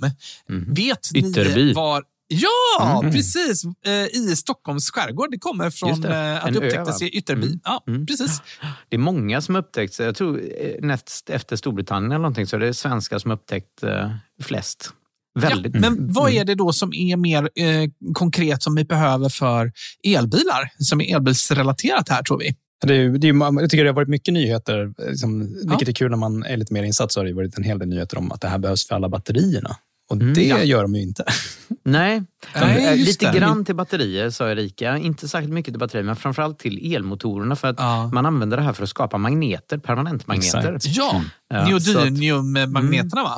Ja, men det är det va? Mm. Precis. De är jättestarka magneter. Väldigt Ja. starka magneter. Jag tycker, eh, generellt så tycker jag att det var... Jag förstår att du fick bråttom att köra igång inslaget. För att jag tycker det var ganska bra testament till eh, liksom, våra killgissningar här. När vi liksom, mer eller mindre ordagrant sa saker som hon sen sa i din eh, intervju bara på Ja, ja. Eh, våra volleysar. Så att om, ni, om det kom fler killgissningar här tänker jag till lyssnarna, då, då vet ni att det är ganska bra kvalitet på dem. helt Just det. Ja, just det. Ja, oftast. Nej, men de sa ganska mycket kul grejer. Eh, en sak som, som eh, var intressant var att EU, hon berättade att EU-politikerna hade väldigt dålig koll på att vi hade sånt här i Europa överhuvudtaget. Så att det som har hänt nu är att EU, alla EU, EU-politikerna har fått upp ögonen för att det här finns i Sverige, Finland och Norge. Och nu har det blivit ett väldigt ståhej i EU då för att, för att bryta det här och göra sig oberoende av Kina och så. Så att det här är ju viktiga frågor för EU. Och Ja. eh, Sverige har hamnat lite på EUs radar nu också. Men för det, det är väl där liksom någonstans det, det, de invändningarna jag tog upp innan. eh, liksom, Det är ju inte så att eh, jag på något sätt har någonting emot för att vi ska göra det här i Sverige. Jag tycker det är kanonbra och jag tycker det är fantastiskt. Alltså, inte minst att de redan håller på är igång och bygger anläggningen i Luleå som ska börja utvinna det här slagg. För det gör att de får igång processen för att kunna ta hand om den här nya eh, malmen då, som de kommer att ta upp sen. Men, men eh, när man läser på, om man läser på kring invändningarna kring liksom, det här ståhejet kring och hall- hallelujastämningen kring det här PR-eventet som det ändå var. Eh, så, så är det väl så att alltså, ytterst så kokar det ner till om man kan få ekonomi i projektet. Och även om det här är en stor fyndighet och skulle kunna täcka Europas hela behov så är svårigheten just att få lönsamhet i det. Och det blir lättare för LKAB eftersom de ändå är där i berget och utvinner järn som de säljer med god lönsamhet. Och de också hittar fosfor där som man kan använda då för, för att liksom bryta Rysslands dominans på konstgödsel. Vilket ytterligare, Mm, man kan mm. liksom sälja alla beståndsdelarna i, den här, Mm. eh, i de här mineralerna som de får upp. Liksom. Men trots det så kommer det, liksom det, det svåra kommer att vara att få lönsamhet i det. Och att det därför liksom, det skulle kunna vara så att Kina till exempel av strategiska skäl skulle kunna välja, liksom, om de har 90 procent av marknaden nu, så skulle de ganska Mm. effektivt kunna döda allt som kommer igång genom att bara prisdumpa. Precis Ja, när vi är pratade på ganska mycket om det faktiskt, jag och Erika, om, om just vad det är som kostar och sådär. Vi har ju Du och bara... Erika, det är som att ni är supertajta nu. Ni Ja, är men så vad- tajta ja. du och Erika. Ja, men eh, jag och fru Ingvald. Ja, ja, ja, ja, nej, men vi, jag och fru Ingvald pratade en del om, eh, om det där med, med priserna på de här eh, produkterna. Då. Och det hon sa var att i Sverige så har vi bara två promille mineralskatt så att man betalar som företag nästan ingenting för det man Jaha. bryter. Och det har ju kritiserats från en del icke insatta politiker och sådär att det är så lite. Men vi är ändå, det är ändå dyrt att bedriva gruvnäring i Sverige på grund av alla miljötillstånd du ska ha, på grund av höga skatter, på grund, på grund av höga löner och så vidare. Så att sammantaget så är det inte särskilt vinstdrivande att driva verksamhet i, Mm. som företag då, om du ska konkurrera på en global marknad. Däremot så ligger det ju i politikernas makt att justera de här kostnaderna. Man skulle kunna rikta skattesänkningar mot eh, enskilda bolag eller mot särskilda näringar och så för att det ska vara lättare att konkurrera på, på den globala marknaden. Det ligger i politikernas händer. Och LKAB som du var inne på innan Alfred, de är ju fruktansvärt rika. Vi tjänar så löjligt mycket pengar på den eh, produktion av eh, järnmalm som de har. Så totalt sett, jag tittade på 2021 års siffror då, så hade de en omsättning på 48,8 miljarder kronor och det är de pengarna de Jävlar! får in då, eh, liksom för försäljning, eh, från försäljning. Ja. Det står för 4 4,5 procent. Det är ju ett statligt bolag, så det är ju, det är ju liksom alla våra vi skattebetalare som tjänar på det. Och det, det är ju, Mm. fan, det är ju fantastiskt. Liksom. Alltså, så mycket som jag satt mig in i den, här frågan så tycker jag man ska absolut inte tumma på mineralersättningarna eller på något sätt ta bort skatter kring det här. För det, det som är problematiskt med de svenska nivåerna är ju liksom just vad händer eh, den dagen som en gruva närmar sig slutet på sin livslängd och den inte är lönsam längre och mineralet börjar bli dåligt. Jo, då, då riskerar den här gruvan att gå i konkurs och vem ska då ta hand om och liksom återställa miljösåren Mm, efteråt? mm, och det är det man ska ha den här mineralersättningen till. Och där, Mm. om vi ligger lågt i den och det inte liksom finns ett bra ansvarsutkrävande, då ska det typ vara ett statligt bolag för att det inte ska bli en enorm förlustaffär för skattebetalarna i slutändan och liksom återställa Mm. det. Men, men däremot, Men det här som är- jag tänker att man skulle kunna... Det jag tror man ska på raden här är att det här kan vara ett område som behöver politisk intervention på marknaden. Så Mm. mm. att man liksom, Mhm. till exempel har lite handelshinder kring att Kina prisdumpar genom att eh, tumma på miljöregler och så vidare i sin utvinning. Eller Mm. att man eh, liksom garanterar att det finns avsättning för europeisk produkt eh, i, på, i den här marknaden till europeiska kunder. Eh, Ja. så, så att man liksom kan säkerställa att när man gör de här kalkylerna på om det är lönsamt att utvinna det här i Europa faktiskt kan räkna med ett marknadspris som inte liksom helt plötsligt sjunker, för, som då skulle kunna dra undan mattan på, ett, på en ny sån här satsning. Mm, För det, mm. där, tror jag liksom, där finns det ändå en stor risk. Nu verkar ju LKAB vara väldigt committade på att de ska göra det här. Liksom, så det, Mm. de, de har säkert en viss uthållighet också just i kraft av att vara ett så stort bolag och i och med att de har Ja. bra avsättning för övriga delar av, av malmen som de ska ta upp. Och de är sjukt lönsamma också. Eh, Så de hade ju en omsättning på 48,8 miljarder. Det är bara Mm. för referens så är det 4,5 procent av hela statsbudgeten 2021. Ha! Så Ja, det är coolt. rätt fett, ja. Ja. Och vinsten är 26,9 miljarder så det är ju mer än 50 procent marginal de har. Så väldigt fin eh, både omsättning och vinst. eh, Och, och pengarna går ju som du var inne på Alfred, rakt ner tillbaka till skattebetalarna. Så det, så det var inte Mm. nya oljan de har hittat nu, då, utan de hade oljan redan innan? Eller? Ja, nej, men precis. Eh, Det är väl nya oljan ändå, tänker jag. För att det här är ju det som kommer behövas mycket, mycket mer av i framtiden. När Vi ju bara håller bara touchar på ytan när det gäller produktion av magnet, ma- permanentmagneter till elmotorer. Alltså, tänk hur det kommer se ut sen med ellastbilar. Alla bilar i världen, lastbilar, allt ska vara elektriskt. Alltså det- och vindkraftverk. Det finns ju en teoretisk möjlighet. Om man tänker att så här, okay, det, det verkar som att den här fyndigheten blir några procent av LKABs omsättning. Men Mm. om världsmarknadspriset på de här mineralerna stiger med 10 till 100 gånger på grund av, just som du är inne på, att det blir så otroligt mycket viktigare att man ska ha det. Mm. Alltså, då, då skulle det ju kunna vara en stor del av LKABs omsättning helt plötsligt. Men Ja, å andra sidan ja. då, då blir det ju väldigt många andra fyndigheter som också kommer bli lönsamma bryta. Så då kanske det, liksom, det priset kommer att komma ner. Det är det som är svårt att veta vart det här priset tar vägen. Mm, mm. Eh, Hon berättade, fru Ingvall, ska jag kalla henne det då? Så ni Nej, det måste du där. inte alls göra. Det var bara det att jag är rika hemma på min gata. Det var liksom det. ja. Ehm, ja, nej, men jag och den här eh, chefen där på SGU hade ju Ja, samtal. Ja. Eh, Hon berättade i alla fall att man har jättemycket slaggprodukter då från den nuvarande brytningen av järnmalm. Och det finns det här redan där i, så det kommer ta ganska lång tid, trodde hon, innan de börjar, börjar bryta det här nya då från den här parallella Ja. fyndigheten. För att de har så mycket i slaggprodukterna. Så det kommer de kunna komma igång med ganska snabbt. ja, det låter ju så. Men och det är ju anläggningen i Luleå som jag pratade om tidigare. Ja, precis. Sen så berättade hon att LKABs tillstånd för att bryta eh, har gått ut. De var i 15 år och det gick ut för Aha. länge sedan. Då. Det är ett gammalt företag. Så de behöver nya tillstånd och då är det nya miljöprövningar och allting ska göras på nytt. Då. Så det kommer ta tid för dem att komma igång. Men hon sa i alla fall att det tar, om allting går smooth, liksom, eh, då, kom, då tar det fem år från Oj. idé till färdigt, liksom en gruva där man kan bryta. Men då Oj. får det inte vara några överklaganden och så. För att börjar det överklagas, då, det är då åren börjar ticka. Då. Ja. Mm. Men eh, vad fan, så det måste gå att spida på lite. Alltså någonting som är så väldigt kul nu är att eh, hon berättar också att politikerna är superpepp på det här från alla håll, Ja. från vänster till höger. Menar det. Ja, de har också gjort eh, opinionsundersökningar vad folk tycker. Och för några år sedan berättade hon innan allt det här ståhejet om svenska gruvor så var var det liksom, folk var ointresserade av ämnet. De visste Mm. knappt Ja, att vi hade exakt. brytning och sådär. Och nu gjorde de ännu, jag tror det var förra året, och det hade gått upp enormt intresset. Och Ja. det fanns jättestort engagemang hos befolkningen för att öppna nya gruvor och bryta mer. Och jag tror de sa att en tredjedel av alla de de frågade skulle kunna tänka sig att jobba i en gruva och sådär. Ja, men och det, jag, alltså det, jag tycker de här frågorna, det är precis som vi var på inför valet. Liksom, att det, är- Ja.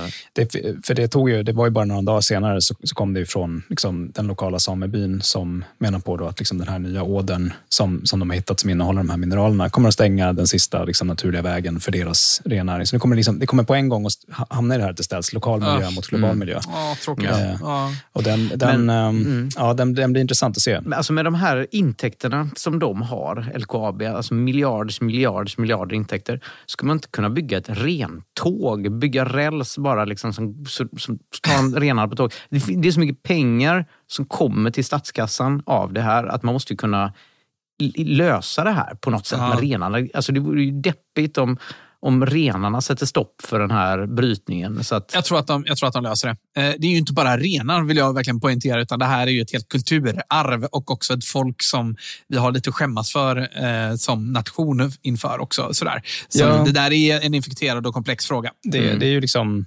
ja, Jag tycker inte vi, vi behöver gå dit igen, men det är verkligen så här att man har inte löst det om, om renarna åker tåg. liksom, då, då, då har man ju liksom förstört kulturarvet. Så det, det blir ju det. Men lo, lokal miljö mot, mot global miljö. Jag tycker att global miljö är viktigare, så jag tycker att gruvan måste fram om det är där mineralerna Mm. finns. Men, Men det måste ju finnas något sätt att, att också göra samerna nöjda. Vi har ju, som du var inne på Fabian, varit väldigt taskiga mot samer historiskt sett. Men när man har pengar och vilja och intresse, alltså det måste ju kunna gå. Man borde och- kunna kompromissa på något sätt. Ja, men på något sätt, eller hur? Vi får väl, om du är Ja. same och lyssnar på det här programmet, ring och, och ge oss lite inspiration. Så kan vi förmedla vidare till politikerna. Eh, ja, men jag vill också säga, när det gäller hela, hela den här diskussionen kring gruvor. Du säger att det, varit, nö, liksom, det var ingen som var intresserad av gruvor. Vet ni vilka som var intresserade av gruvor? Vi var intresserade av gruvor. I podden. Eh, så, om vi får klappa oss själva lite grann på, på axeln här. Vill man till exempel höra mer om eh, gruvor och eh, av Erika Ingvalds så finns det en lite längre intervju med henne eh, som vi la ut den 6 september redan 2020.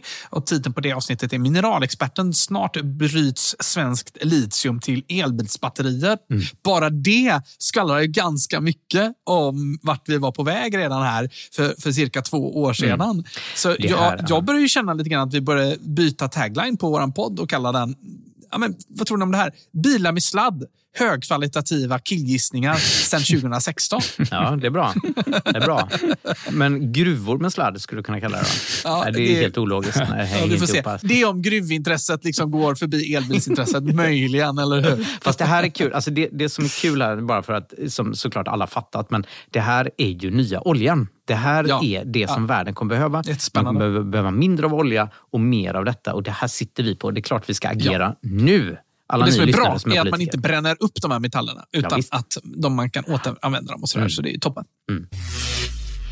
Hörrni, Tesla startar priskrig. Vem vinner och vem förlorar sätter jag som överskrift till det här. Eh, För vi höll ju precis på att redigera förra avsnittet när Tesla släppte sin riktiga Ja. prisbomb. Det var ju, vi har varit på det lite tidigare här på grund av dina bilaffärer Fabian, eh, med den där Mm. eh, rispiga eh, högen. Men, får ni sluta. ju mer jag retar mig på detta, ju mer kommer ni reta mig, eller hur? Absolut, så är det absolut. Nu ser ju inte lyssnarna Fabian här, men han sitter liksom och knyter händerna. Jättefint. Jag lägger upp bilder sen, får ni se. Kom och köp. Hörrni, vissa modeller blev i ett slag så mycket som 150 000 kronor billigare på en gång. Vi, hade, vi var ju på redan i förra avsnittet att det hade hunnit sänkas priserna redan i Kina på grund av efterfrågeproblem där. Men sen så kom ju de här breda sänkningarna i både Europa och Nordamerika. Och jag tänkte vi skulle ta ett litet grepp på det. Vad, vad tror ni är det som händer? Är är Tesla på väg att gå åt skogen nu? Eller vad, vad är det som är på gång? Min spaning är, som vi var inne på i förra programmet, att de, är så, de producerar så oerhört mycket bilar. De producerar Ja. en och en halv miljon bilar nu nästan, va? 1,1 va? Ja. Och 1,3 förra året. Så. 1,3. Och Jävlar, det alltså. produceras 100 miljoner bilar per år totalt i hela världen, inklusive samtliga. alltså de oj, står, ju, oj, oj. står redan för 1,3 procent av världsproduktionen av bilar. Så att de har ju rampat upp. Jag tror att det handlar om att de producerar så mycket bilar att nu när efterfrågan sjunker på grund av konjunkturen så har de svårt att, att bli av med alla bilar. Jag, tror, jag tippar det. Vad, vad tänker du Alfred? Jag tror, om jag får säga vad jag tänker innan Alfred Mm. säger, för Alfred brukar ha rätt, eh, så jag får killgissa lite först. Så jag tror att de för närvarande säljer de här bilarna eh, med nollmarginal Eh, för att sätta ner foten och visa verkligen att eh, liksom, det är vi som ska ta täten här. Det är vi som ska växa nu och göra det jättesvårt för konkurrenterna. För de, det har vi konstaterat förut, att de säljer kanske till och med bilar med förlust redan före de här prissänkningarna och nu blir det tufft alltså. Ja, eh, Alfred? Ja, det, är lite jobbigt att eh, när vi, med risk för att datera inspelningen för mycket nu, så spelar vi in det här precis innan Tesla kommer med sin kvartalsrapport och vi får svaret om marginalerna. Jag tror inte Mm. som du Fabian, att de säljer de här bilarna med noll marginal. Och det kommer att ta kanske ytterligare något kvartal innan vi får se liksom, också. ja. hur, hur de här prissänkningarna verkligen går in. Men jag tror att alltså Tesla har ju varit uppe på helt fantastiska bruttomarginaler på sina bilar. Eh, över 30 procent innan. Oj! Eh, i, Är det någon som säljer bilar till 30 procent marginal? Nej, det är liksom, det är, alltså BMW har varit liksom ett, ett föredöme i branschen med höga marginaler. De ligger på så här mellan 10 och 15 procent. I, I och för sig operating margin, då, inte så här bruttomarginal. Utan, och För det är där- så mycket pengar också, så det 30 procent blir ju väldigt mycket vinst då. Ja, ja, så att jag tror att även Tesla, även med den här prissänkningen så, så ligger Tesla och säljer sina bilar med, med god lönsamhet. Jag kan tror du bara berätta vad bruttomarginal är för de som inte... Inte för att jag inte vet. Nej, naturligtvis. Men, fråga för en kompis. Ja, exakt. Ja, men, Driver vi bolag tillsammans, eh, Anders? Hur var det nu? Bruttomarginal är helt enkelt eh, försäljningspris minus vad det kostade att tillverka själva bilen. Men inte liksom min- minus alla andra kostnader för att man liksom hade lokaler eller att man hade personal Mm. som jobbade med att schemalägga eller göra allting annat. Så det är liksom råvarorna som, kostade, som krävdes för att bygga bilen. Liksom det man köpte in för att bygga bilen. Eh, så Mm. själva liksom kostnaden. Ja, arbetskostnaden för att göra själva bygget inte inräknat där? Jo, det- för själva Okej. bygget är med. Så att alla rörliga kostnader som har med att bygga själva bilen är med. Men inte Okej. de alla fasta kostnaderna, allt, allt som ligger kring att man liksom har Overhead. Okej. overhead och Ja. allt som, som Mm. man, när man har utvecklat det.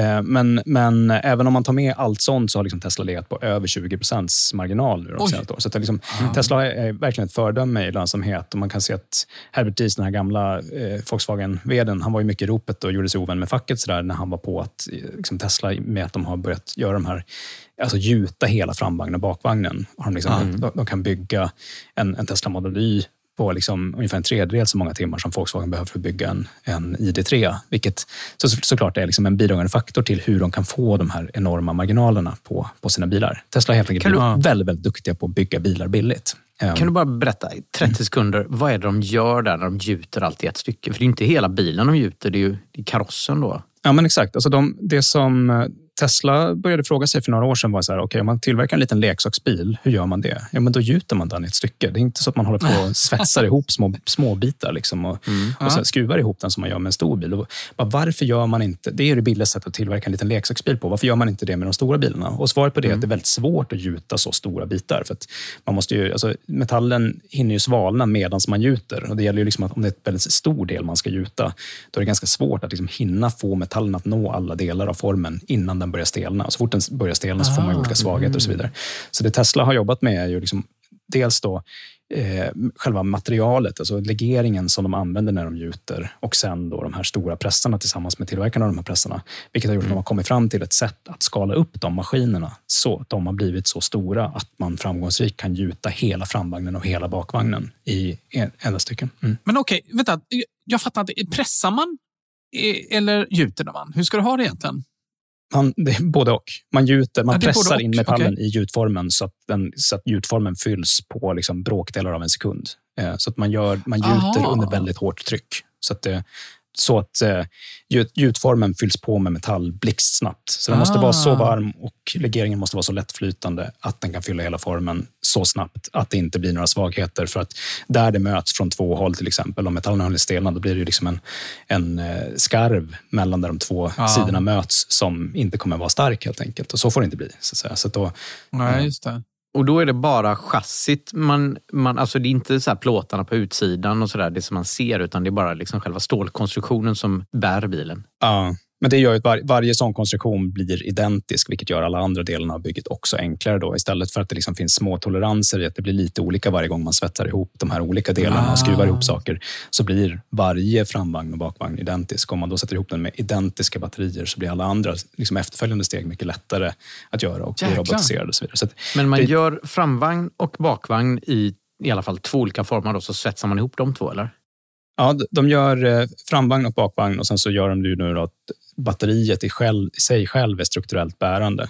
Så att eh, du har liksom en framvagn och en bakvagn som sätts ihop med batteriet och då har du egentligen hela skateboarden. Så på det ska sen bara på då drivlinor och inredning och kaross. Du hänger på liksom plåtarna Just som är det. karossen. Ja. Så För att det- jag trodde att det var liksom en stor metallplatta som man pressade och så blev det liksom stans och press. Att det var det som gjorde karossen. Då. Nej, det, det är en annan metod för att tillverka och så är det många av delarna liksom i mer konventionella fordonsbyggen. Speciellt Ja, i mindre okej. serier görs. Liksom. Men, hörni, Ja. Det var inte tänkt att vi skulle Mm, gå så nej. djupt på det här. Nej, men det var men- ändå väldigt eh, bra att få, veta hur det funkar. Jag Mm. har i alla fall förstått att de här jättepressarna som, som Tesla har, Mm. de orsakar liksom så här seismografiska störningar i området. Det är för ju att de är typ- så stora när de Det jobbar. är ju de största i världen var det i alla fall när jag var i Ja. Fremont-fabriken. Du hade varit där Ja. också, Alfred? Va? Absolut, jag har varit där. Mm. Mm. Det var du Fabian som det. inte varit Ja, där. jag vill verkligen åka dit. Ja. Ja. det kommer Det hända. Ju tyvärr före de här stora pressar. pressarnas Mm. tid. då, Så att det, eller man, jag har sett Ja. de pressarna där de pressar kaross, eh, si- dörrsidor och sånt där. Liksom. Men det här är ju, Mm. det här- ja, de här Ja, gjutmaskinerna vi skulle fick, vara eh, coola att se. Alltså. åkte ju en sån här tågtur och då visade Ja. de de där gigantiska pressarna och så berättade de det att det var liksom,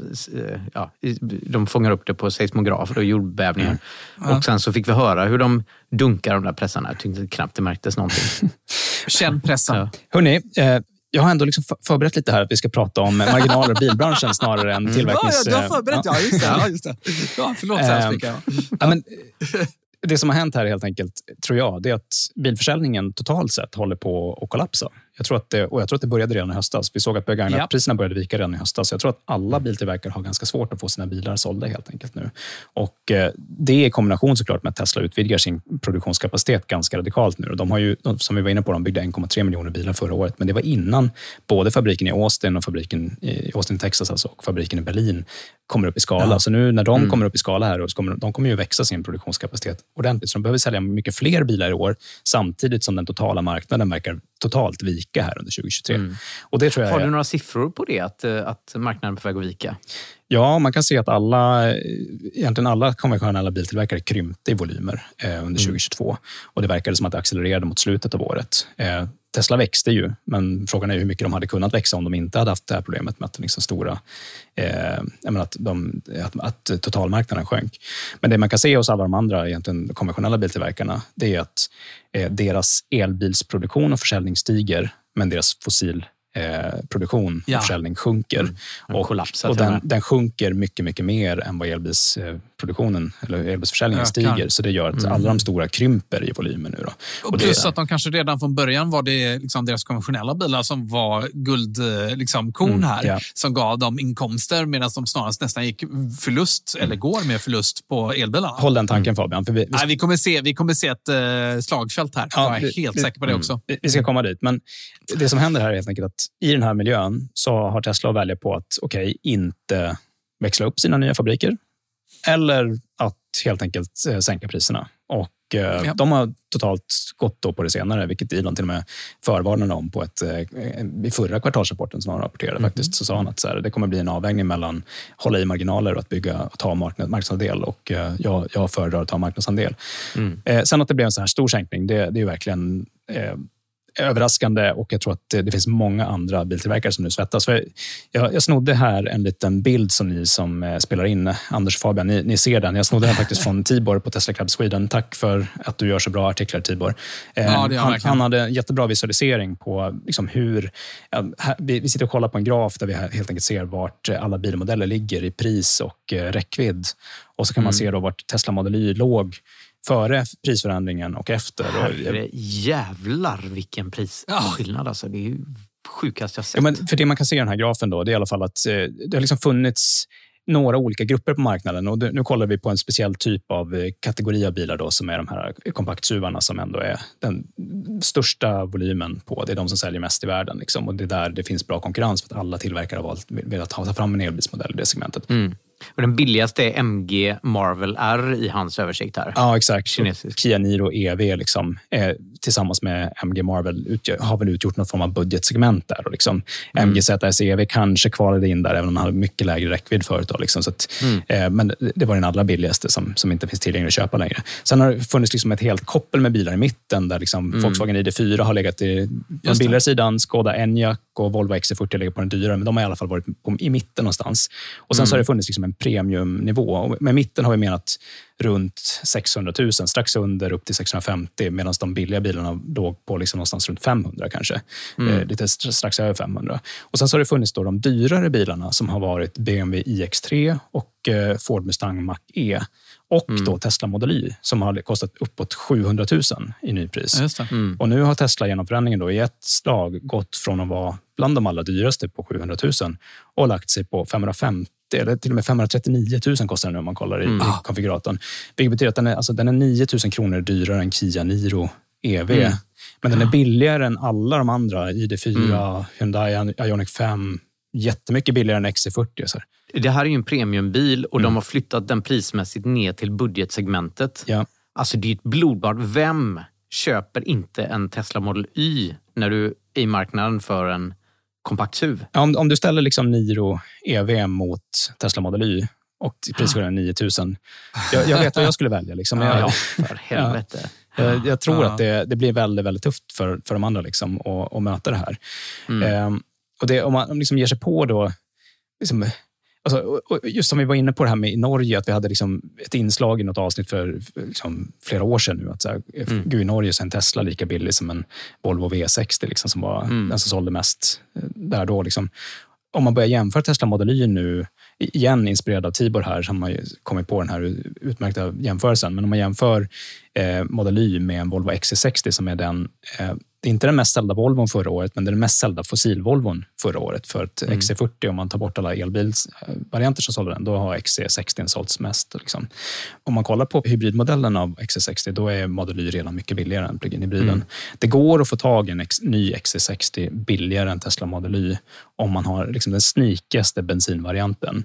Men då är den liksom fattigare utrustad än Teslan. Så om man liksom lägger till med sådana här utrustningsdetaljer som, Ja. som är standard i Teslan som du får på köpet, då blir till och med den liksom allra billigaste bensinvarianten dyrare.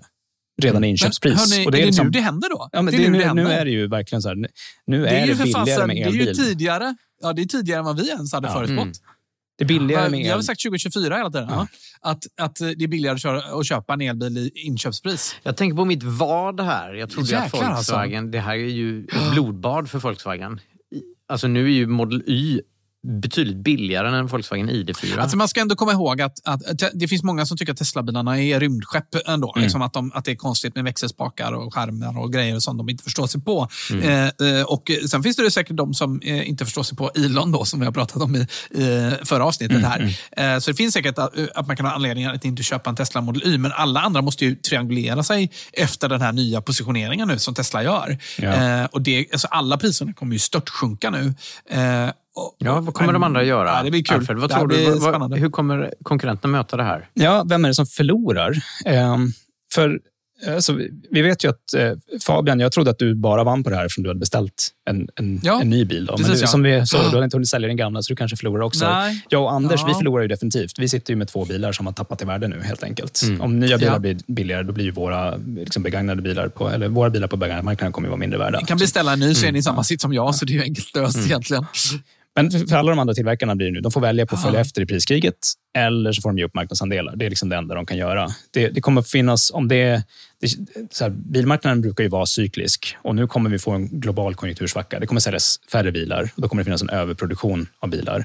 Mm. Och alla bilar kommer inte bli sålda. Frågan är vilka är det som inte blir sålda. Om Mm. Tesla säljer elbilar som det är hård efterfrågan på trots allt och de sänker priserna på det här sättet, då tror jag att Teslas bilar kommer att bli sålda. Liksom. Mm, Bill, billigare än annars, men de blir sålda i alla fall. Ja, det har blivit en köprush på Tesla nu har vi sett Det har blivit det. De har till och med varit tvungna att liksom börja höja i, i litet steg i USA redan. Liksom. Så det, Ja, fan. och, det, Ja. så, det, och det mönstret har Tesla haft förut också. Att de, så här, de har varit duktiga på att sänka rejält när de väl sänker och sen så börjar de Ja. läcka. Så här, ja, nu kommer vi snart att höja och så får de köprush varje gång. Då, så läcker de att så här, nu Ja. kommer vi snart höja. Ja, så, men det här är ju mm. smart, va? för det har ju gett, jag menar, nästan alla har hört talas om detta, att Teslas stora prissänkning. Mm. Det har ju rapporterats överallt. Och Jag tror verkligen att det är, är så. Jag tror att de, att de gått ner till nollmarginal och att de sen sakta höjer upp det Mm. för att verkligen göra en så mycket markering de bara överhuvudtaget kan göra utan att börja förlora pengar. Eh, och då, och då eh, så skrämmer kon- konkurrenterna, och- för de har ju liksom kissat ner sig vid det här laget. Skulle Mm. jag, när jag ser det här diagrammet så förstår jag ju att de gör det. Eh, och de kommer behöva sänka också. Det här är ju jättebra för konsumenterna. ju. Ja, det är fantastiskt för konsumenterna. Mm. Men eh, Ja. hörni, nu ska jag berätta för er om den perfekta stormen som alla de andra står inför. Ja. Ja. Därför att samtidigt då som, som de måste sänka priserna på sina elbilar för att vara konkurrenskraftiga, vilket betyder för de allra flesta att de kommer att tvungna sälja dem med förlust, så är det som kommer att försvinna framför allt är deras fossilförsäljning. Och Det är alltså den försäljning som hittills har varit lönsam och burit att de har kunnat stå ut med dålig lönsamhet på sina elbilar. Eh, Mm. Nu, nu kommer de alltså inte att kunna göra det, för att i takt med att fossilförsäljningen och därmed tillverkningen minskar, då kommer de att tappa economies of scale som man brukar prata om, alltså skalfördelarna som gör att man får så billig tillverkning. Om du krymper volymerna så kommer du sakta men säkert gå liksom åt fel håll med de economies of scale. Vilket gör att du Vänta får, lite, Va- du, du, du pratar om att om vi, de krymper sin totala produktionsvolym så tappar du economy of scale på elbilarna. Nej, framförallt på fossilbilarna tänker jag. Då. Om man, om man Ja, eh, kan tillverka färre fossilbilar så kommer man också få sämre, alltså Just högre det. produktionskostnad per fossilbil. Så de blir mindre, de blir mindre lönsamma. Liksom. Jag tänker att läckaget mellan elbil och fossilbil är inte så stort. Man har ingen stor skalfördel på elbilsfronten när man gör fossilbilar. Särskilt inte om du har en egen plattarkitektur. Volvo har ju faktiskt, ska man ändå säga, XC40 Recharge och sådär. Det är ju på samma band i Gent. Jag har varit och tittat på det. Då har du några fossilbilar som går på bandet och så kommer en elbil och någon Ja, men hybrid precis. och sådär. Det betyder Så att- varje bil blir dyr, dyrare att tillverka än, än om de hade haft en ren liksom, koncentrerad tillverkning som bara var fokuserad på elbil. Då. Men, det är sant. men, så det, alltså det, det, det, det är i alla fall rätt tydligt att så här, om man alla skalfördelar som man får när man skalar upp tillverkningen. Och som är anledningen till liksom att det man kan välja som konkurrerande tillverkare nu är ju antingen att okej, nu måste, det, här, det är nu eller aldrig, bära eller brista, nu får vi gå all in. För vi måste skynda oss till att nå så höga volymer att vi får samma skalfördelar så att vi kan konkurrera med Tesla. Eller om det är så här, shit, det är inte tillräckligt lönsamt och vi börjar bli rädda för att vår budget inte räcker till därför att vi också har vikande konjunktur och dålig försäljning på fossilsidan. Vi vågar inte satsa oss ur det här nu. Vi vågar inte göra det. Vi får backa bandet, vi får hålla i priserna och ta det lugnt. Då kommer tåget liksom gå och då kommer man ha ännu längre att ta ikapp om man sen ska vinna tillbaka marknadsandelar från Tesla. Och Det är den situationen som de här tillverkarna kommer att, att hamna i. Och Det som är extra intressant som man kanske inte tänker på så ofta som vanlig konsument, det är att det är en väldigt hög andel av alla bilar som säljs i världen som säljs med privatleasing med leasingbolag som är biltillverkarnas egna leasingbolag. Det vill säga det är de som Ja. är banken som äger bilen. Därför att det som jag och Anders nu, och kanske du också Fabian får erfara, då, att våra bilar minskar i värde nu när nypriserna Mm. sjunker. Mm. Om du också är den som äger banken, som äger bilen och är den som sitter med Svarte Petter ifall de här leasingkontrakten Oh. inte går ihop. Och det är Aj, du aj, aj. som inte vill erodera andrahandsvärdet på alla de här bilarna som du har ute i leasingprogram. Där Ah. kunderna riskerar att ångra sig och backa ur leasingavtalen eller inte kvittera ut bilarna och så vidare. Då vill du inte sänka priserna, för då eroderar du andrahandsvärdet som är dina egna säkerheter på dina egna lån. Och Mm. där Ja. sitter liksom alla de andra biltillverkarna. Medan Tesla har i princip noll exponering mot det här. Därför i den mån som Tesla-bilar leasas så leasas de mot oberoende banker. Det är inte Teslas eh, finansieringsbolag. Just det. Vad händer med leasingen här då? För att, ja, om jag förstår det rätt så är leasingbolagen inga, stor, inga står inte på barrikaderna och hurrar över det här. Nej, alltså det, om man kollar på ränteläget är ju samtidigt då, och det är det jag menar med perfekt storm. Det är liksom alla fronter samtidigt Ja. nu. Då. Därför eh, jag pratade med en kompis som, som kör just en Niro, eh, en, en e-Niro idag. Då, så höll han på att utvärdera nu om man ska köpa Model Y nästa eller om man skulle ta en Niro EV. Och det är så här, ja, men Niron, han, han betalar 4 000 i månaden. Nu kostar samma bil 7 000 i månaden på leasingavtalet. Så är ganska signifikant skillnad på att bonusen försvann och att ränteläget har ändrats. Liksom. Eller ska han köpa en, en Model Y? Liksom. Och det var typ samma pengar. Det har också blivit dyrare i månaden liksom, på grund av räntorna. Men, men så här, det är jämförbart. Liksom. Eh, och I den mån, ja, men han är nog i en position där han, han liksom ändå råd att betala att det blev, och ta att det blev lite dyrare månadskostnad. Men det kan nog finnas en del kunder där ute som inte har råd med den högre månadskostnaden och börjar vara tvungna att lämna tillbaka bilar och så vidare. Och Det kommer Aha. att liksom riskera, i synnerhet då ifall det blir så att andrahandsvärdet på de här bilarna inte går ihop nu. Eh, Alltså det, det är därför som många av de andra biltillverkarna verkligen tänker sig för en extra gång innan de sänker priset. Just för att de inte vill erodera sina egna andrahandsvärden på bilarna de har i sina egna leasingprogram. Men om de inte blir sålda så har de ju inget val. Eh, och där, eh, ja, fortsättning följer. Men har inte Tesla egen elleasing i, i USA? Eh, jag tror att de har det, va? Eh, jo, Model X och S och X säljs en ganska stor andel på, på leasing. Eh, mycket högre andel än, än, Model 3 och Y. Eh, jag vet inte i vilken mån det är på Teslas egen finansiering eller om det är externa leasingbolag. Jag tror Ja. att det är deras egna. Ja, jag tror det. Mm. Det låter vara osagt. Det är i alla fall så att om man kollar i balansräkningarna så är Teslas exponering mot de här riskerna så försumbar i, totalen. Deras cash position, alltså hur mycket kontanter de har på banken, Okej. är väldigt, väldigt god då, jämfört med de andra tillverkarna som sitter med förhållandevis lite kontanter och väldigt högt belånade verksamheter redan. Just för att de har hittat mycket av sin lönsamhet i att lägga upp de här bankmodellerna eh, modellerna Ja. kring sina bilar. Mm. Det har varit ett bra sätt att liksom kunna sälja bilarna billigt. Och inte minst Volkswagen har varit jätteduktiga på det. Det är därför vi har kunnat se så låga priser i, i privatleasing på ID3 och ID4 och så vidare som har bidragit till att de har blivit storsäljare. Mm. Det är mycket att de har varit innovativa i de säljmodellerna. Men det biter de i svansen nu då, för nu sitter de och har, har dem som säkerhet. Liksom. Men en fråga här då. Hur kommer eh, svenska Northvolt och vår mineralproduktion och, och sådär påverkas av det här? Är det positivt eller negativt för du är orolig för din Sverige? kompis Erika nu? Eller vad? Eh, ja, fru Erika. Fru, fru Så Ingvar. tajta. Så tajta. Jag är tvungen att kalla henne. Ja. Eh, Jag tror, att, jag tror att det är helt lugnt för Northvolt och jag tror det är helt lugnt för svensk mineralutvinning. Däremot tror jag inte det är så lugnt för fossiltillverkare. Jag tror att eh, Stellantis, Toyota, Honda. Ja. Jag tror att det kommer Det, jag tänkte säga det. Är det nu Toyota kastar in handduken? Eller? 20, ja, de, de har ju lång väg att gå innan de kastar in handduken, men, men jag tror Ja, att det kommer börja det. synas på deras eh, årsredovisningar 2023-2024 eh, att det här håller på att gå åt skogen. En faktor som vi måste ta med är ju att de här biltillverkningsbolagen är ju nationalklenoder. Mm. Eh, eller hur? Ni minns vilken lång dödskamp Saab hade i Sverige. Det var ju liksom 20 års dödskamp. Mm. Eh, och jag tror inte att japsarna ger upp om, eh, om Toyota i första laget. Så det dröjer nog minst 20 år innan, eh, innan det bolaget går under också. Fast sen är det också så här, någonting som eh, vi, vi stirrar oss blinda på en svensk fordonsindustri. Men Toyota är inte stora här. De är stora med Toyota Corolla och Hiace och sånt i Afrika och Indien och sådär. Så de Ja. har ju sin stora försäljning i, i länder men inte ens börjat se elbilsproduktion ännu. Men köper de nya bilar? Det tror inte jag just nu. De har ju över hälften av sin försäljning fortfarande Toyota i länder som är, ligger i Europa och Nordamerika. Så att, och tappar Mm. de skalfördelarna av liksom hälften av, av världen, då, Mm. då blir tyvärr Toyota Corolla dyrare även i Afrika. Liksom. Eh, Mm. Så att, eh, ja, det, det Mm, blir Men jag tror ändå, jag tror att anledningen till att de har eh, dragit så länge på eh, elbilar är just att de ser inte vikande efterfrågan i, i, i liksom, eh, u-länder. Säger man så längre? U-länder? Det låter som Ja, det är väl li, lite, lite förlegat kanske. Man behöver ha en mer nyanserad bild. Men jag, jag, har, jag har inte den Det där är färdig. roligt. Radioprogrammet Tankesmedjan hade en sån lek med politiker. Så här, får man säga det här? Och då kunde det vara liksom de här olika grejerna. Det var, bland annat Lappland kom upp. Och Ja, det var många som var så här. Äh, vänta, får, säga, Ja, får man, säger vi Lappland? Ja, Ja, jo, men det gör vi. Ja, Ja, ja. Just det. Ja, just det. Apropå Ja. tidigare diskussion Ja, om samer. Ja. Eh, Nej, men jag tror att alltså, Toyota, det går nog ändå ganska bra för dem i de marknaderna där, är där de är stora. Liksom. Där, för dem, det finns inte elbilar i många afrikanska länder ännu. Liksom. Det, det är helt unheard of. Det. Men, och det, det, det är därför de satsar på vätgas, då, för att det kommer vara mycket billigare att introducera vätgasbilar i Afrika.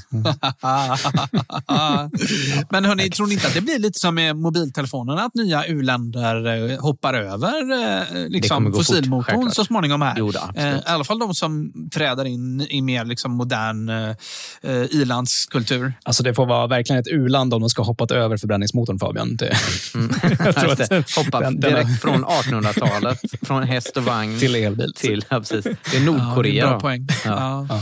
det är en bra poäng. Ja, ja men precis. Ja, äh, men det, var, det var i alla fall eh, mitt eh, så kallade gräv om priskriget. Eh, Ja, men jättespännande. Mm. Ja, men bra analys måste jag säga. Och eh, ja, det återstår väl bara att säga. Den som lever får se. antar jag. Ja. För nu ska vi prata om Polestar 2 som får en facelift och eh, fler modeller är dessutom på gång från Volvo. Den här faceliften som är på gång eh, för redan snygga Polestar 2 tycker jag, eh, den blir nu då ännu snyggare. Eller vad tycker ni grabbar? Ja, jag tycker också det. Det, det känns ju lite som det Tesla gjorde för några år sedan när de tog bort noskonen Ja. fram till Ja. på Model S. Att den här distinkta Vilket svarta lyft. grillen på Polestar 2 försvinner. Samtidigt så blir den ju, de har gjort en mer lik Polestar 3 som vi inte har gillat. Liksom. Ja. Ja, det är konstigt. Jag tyckte ju att den var riktigt snygg, Polestar 2. Det är fortfarande, trots att den nu är flera år gammal, så tycker jag fortfarande är den head-turner när jag ser den. Ja, jag tycker, jag Tycker tycker jag Polestars bilar är snygg? konsekvent Okej. snyggare än Teslas. Liksom. De är ju verkligen så, de är så brutala i designen på något sätt. De ser riktigt... eh, De här Teslas nose cones ser ut som någon slags djur. Ja, det ser för jävligt ut. Alltså, det ser för jävligt ut nu när man tittar på det. Jag är väldigt glad att, eh, att du inte köpte en sån. Men eh, i vilket fall, du har väl haft en sån Anders? Jag hade en sån, ja, precis. Den folierade jag i bilens färg så att den såg ut ungefär som den här som eh, nya Polestaren här. För Polestar 2 i alla fall, den har ju då mestadels förändrats, precis som jag säger, i fronten. Eh, och bakom den här nya täckta frontgrillen så gömmer sig massa intelligenta sensorer som eh, lanserades då i samband med att Polestar 3 presenterades. Och, eh, och det här det är då Polestars egna gissning av vilka sensorer som kommer behöva krävas för att bilen ska bli självkörande i takt med kommande mjukvaruuppdateringar. Känner ni igen det här någonstans ifrån killar? Den är lånat från Tesla. Men Ja. har, de, har de någon självkörning alls eller? Jag har inte kört Polestar 2. Eh, jag har inte testat deras system heller. Jag, skulle vilja, jag ska nog se till att få göra det. Se vart de, de ligger någonstans. De tidiga Polestar 2 hade ju inte det i alla fall, men de, då hade de, man kunde köpa det här Pilot Assist, vilket var väldigt Ja. begränsat. Men det, de har verkligen blivit bättre och bättre här, så att jag ska låta det vara osagt om det är så Ja, att, men och då, alltså, de har ju eh, kommit långt ändå så tillvida att eh, alltså, de har ju verkligen bettat på att de, det kommer behövas en LIDAR till exempel. Så att i deras svit så tror jag att det sitter LIDAR med. Eh, det är framförallt hämtat från vad jag har läst om Polestar 3, men jag antar att det är samma svit som kommer till den här bilen nu. Liksom. Jag, på Vad har de gömt den då? För den ser man ju inte på bilden. Nej, på bilden tycker jag inte vi ser någon LIDAR. Så att det, det är frågan om om det kanske är en, en bil som är utan den uppgraderingen. Då. För jag tror inte det är så att de skeppar alla bilar med LIDAR. Utan att man kan liksom välja om Ja. man vill köpa till det. Fortfarande inte. Men oavsett så har de ju gömt och radar och allt annat sånt som krävs även för de enklare varianterna i, i fronten. Då, helt enkelt. Just det. Mm. Mm. Ja, jag tycker i alla fall att det här är ett oerhört stort eh, designlyft. Jag har väl tyckt att Polestar 2 har varit snygg tidigare, men inte sådär en headturner som ni verkar tycka. Nu tycker jag den ser riktigt så här exekutiv ut. Den ser riktigt dyr och exklusiv ut, måste jag säga. Eh, och jag håller inte med om att den ser mer ut som Polestar 3 som vi har sågat designmässigt. Jag tycker mer den ser ut som Polestar 1 som vi har hyllat designmässigt, faktiskt. Tycker jag. Då. Eh, En annan sak som är ny som kanske får någon att ändå bli lite ledsen i ögat det är att modellen med litet batteri nu inte kommer längre i fyrhjulsdrift utan är bakhjulsdriven istället. Varför tror ni att man gör så här? Ja, Jag tror det är effektivitetsskäl. De, eh, de har ju tagit fram en ny drivlina. Som, som, eh, alltså det finns en ny motor som ska vara effektivare. Det har ju varit annars Polestars akilleshäl att deras bilar har inte varit så effektiva. Så de har varit ganska... Aerodynamiska va? Ja, alltså inte bara det att de har varit alltså de är blockigare, så de har inte varit lika aerodynamiska som konkurrenterna, men även sett till rullmotstånd och liksom i drivlinorna så har det har varit någonting som är off. De har varit mer liksom extra törstiga, om, man får, om en elbil kan vara det, nu som vi har varit på förut, eh, än vad aerodynamiken ger vid handen. Och nu har de ändå tagit sig närmre i effektivitet jämfört med andra med den här nya motorn då, som sitter och som i den nya då, budgetvarianten blir den enda motorn. För då är det liksom en, en bakhjulsdriven eh, bil och med, med den nya motorn då på den här bakaxeln. Eh, och med den så ska alltså bilen komma 518 kilometer i VLTP-räckvidd på Ja. ett batteri som är 69 kilowattimmar stort. Mm. Eh, Det, jag gjorde lite egna beräkningar. Jag fick det till att det blir att den då i, i rating, vilket ju vi alla vet är svårt att nå, men, men i den ratade rangen då så ska den alltså dra 133 wattimmar per kilometer eller Mm, det är väldigt bra. 1,33 kilowattimmar per 10 kilometer eller vad det är alla andra tillverkare brukar mäta det i. Eh, det kan man jämföra då. Det, det är ju bra. Det kan man jämföra med att motsvarande siffra för Model 3 som man nog ändå får säga är liksom närmsta konkurrenten till Polestar 2. För det här är ju inte riktigt en SUV då, utan snarare en sedan. Ja. Då Model 3s siffra är 122. Så det är ju inte riktigt på Model 3-nivå, men Model 3 är å andra sidan verkligen den allra mest effektiva som finns nu. Det, det, den slår ju till och med koreanerna. Så att, eh, jag tycker att Polestar verkar ta ett stort kliv att närma sig effektivitet, vilket är väldigt välkommet. Här. Sen skulle jag ändå säga att Polestar 2 är en bättre bil än Model 3. eh, Framförallt i, när man ska packa och, så och ha den som familjebil. Där du, du Ja. har en riktig lucka där bak till exempel. Ja. Där Model 3 har ju ett litet brevinkast. En så kallad hatchback, helt enkelt. Mm. Alltså, Mm. ja, precis. Alltså, Polestar 2 är ju också en betydligt större bil faktiskt på många sätt. Den är högre och det la jag märke till häromdagen när jag parkerade bilen, en Polestar 2. För jag sa, men, en, är det en Polestar 3 eller vad är det här för bil? Mm. Jäklar vad stor den är. Den är mycket, mycket högre än en, en, en, en Model 3 som är liksom mer slimmad och, Mm. och sportig. Så. Som familjebil så kanske Polestar 3 faktiskt är att, att föredra. Liksom, Mm. Formmässigt måste man ju säga. Jag tror att en grej som håller nere priset också, om jag minns rätt nu killgissar men jag för mig att det är så att det är ganska dyrt att bygga framhjulsdrivna bilar eftersom Ja. du driver på liksom, eh, samtidigt som du styr. Medan Ja, mycket billigare att bara sätta den mellan eh, hjulen bak. Då. Och anledningen till att man har velat ha framhjulsdrivna bilar är för att de är mycket bättre liksom, när man får sladd och sådär. Så att bakhjulsdrivet eh, Ja, kör, egenskaperna blir bättre och om Mm. kombinationen med en förbränningsmotor när man liksom har en jättestor, tung eh, cylinderblock liksom längst fram i bilen, vilket gör i övrigt taskiga förutsättningar. Liksom. Det, har, det har ju gjort att för, framhjulsdrivna bilar har varit att föredra. Men Mm. det blir mindre viktigt i el, elbilar när man har så låg tyngdpunkt och allting annat stämmer. I, I övrigt gör ju att man kan få väldigt fina köregenskaper även då. Och jag menar, som, som alla vet så kan ju bakhjulsdrivna bilar också vara roligare. Så att många har ju liksom Mm. Ja, just gillat det. det. med BMW till exempel. Att, Nu driver ju i och för sig eh, i alla fall Teslorna mestadels på bakhjulen och bara Mm. hugger in med framhjulen när det verkligen behövs. Eh, så just också för att de blir roliga. Alltså, visst kan man få sladd med en Model 3 som är fyrhjulsdriven, men jag skulle nog alla dagar i veckan föreslå om man bor i Sverige att man om man har råd köper en fyrhjulsdriven bil. För det är oerhört mycket trevligare på vintern om man ska ta sig upp för en garageuppfart eller om man har andra skäl. Jag, hade ju, jag har ju satt en bil, eh, en Tesla i, i diket här på grund av att den var bakhjulsdriven till exempel. Så att, alltså, det är ju... Obs, inte den som är ett salu. Nej, inte den som är till salu. Precis, det var ju, en, en Tesla, det var ju Teslas bil, en, en inbytesbil när min Ja, förra det. Tesla var, var på service. Men, så att, eh, fyrhjulsdrift är verkligen att föredra. Så jag tycker det är lite tråkigt att de plockar bort det. Då. Men, Nej, men det, eh, det gör de inte. priset- Den finns ju absolut i fyrhjulsdriven variant också, den här, den här bilen. Det är bara att den, Ja, just det var precis. bara billiga. den billiga, billigaste billigaste, varianten är billigaste. numera bakhjulsdriven Ja. istället för framhjulsdriven som den var tidigare. Ja, men precis.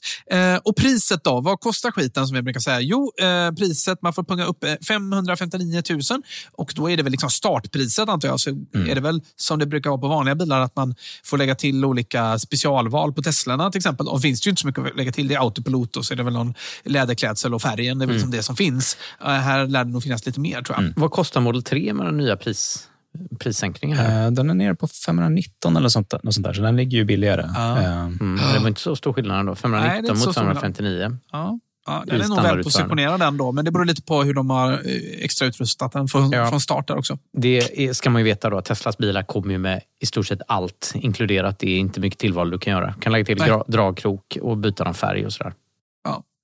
Precis.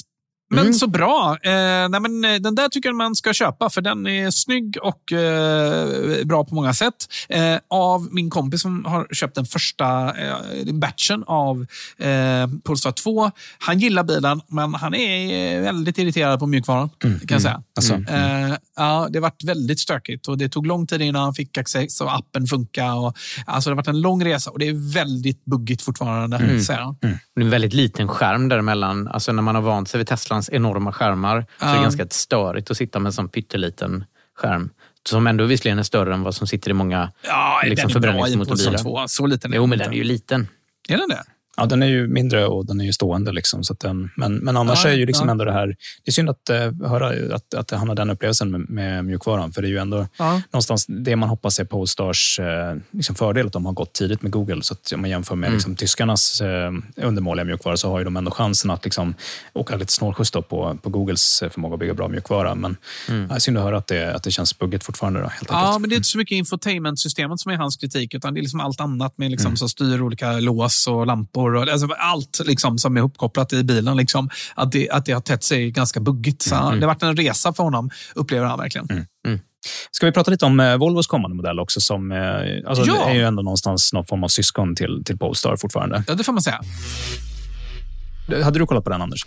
Ja, det har jag gjort. Volvo ska ju nu släppa EX30 har de eh, hintat om. Det var i, på en, ett event i Australien som eh, de berättar att den här nya EX30 kommer. Och Det blir en ny, mindre elbil som ska... Eh, man vänder sig mot yngre människor.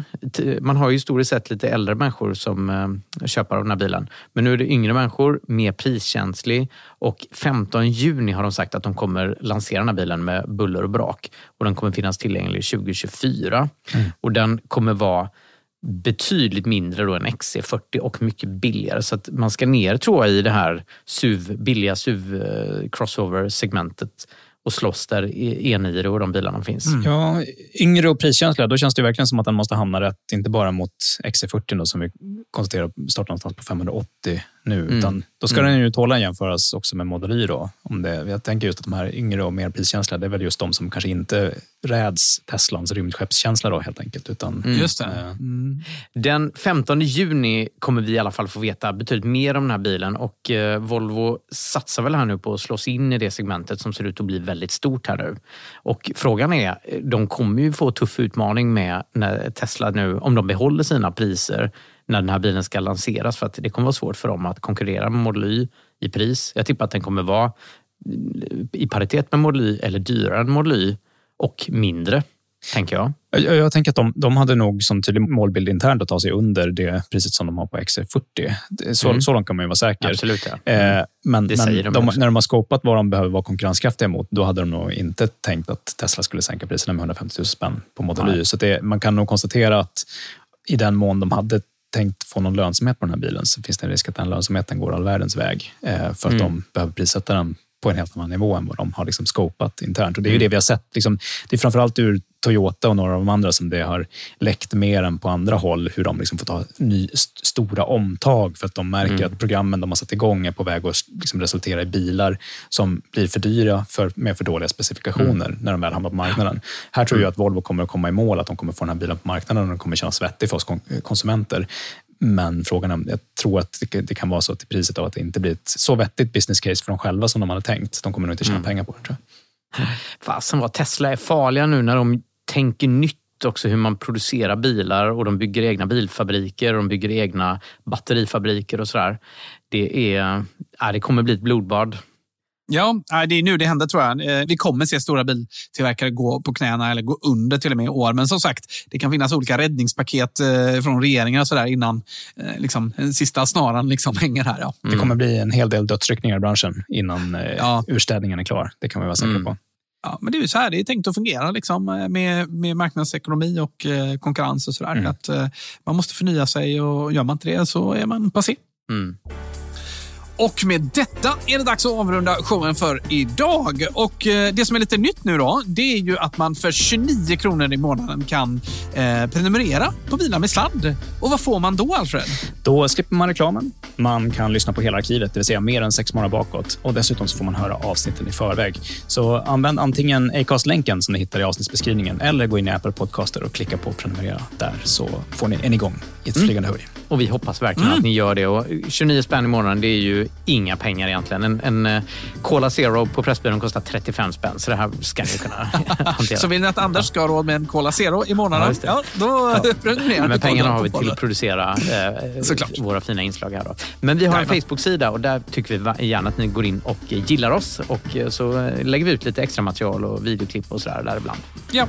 Vi har även en helt vanlig hemsida fortfarande på www.bilarmedsladd.se. Där finns det lite matning till information om solcellsinstallationer och annat samt lite tips på Refurbs. Tror bestämt att det är någon speciell vårdcentral som brukar nämnas där. Just det. Spola Kry, använd Hälsa Hemma istället. Eh, Du listar dig direkt i Hälsa Hemma-appen. Så bor du i Göteborg eller i Stockholm så kommer vi hem till dig med elbil när det behövs. Så det kan vara klokt att välja en vårdcentral redan nu innan man blir sjuk. Så bara gå in, ladda ner appen, registrera dig. tar fem minuter max. Då blir vi så himla glada.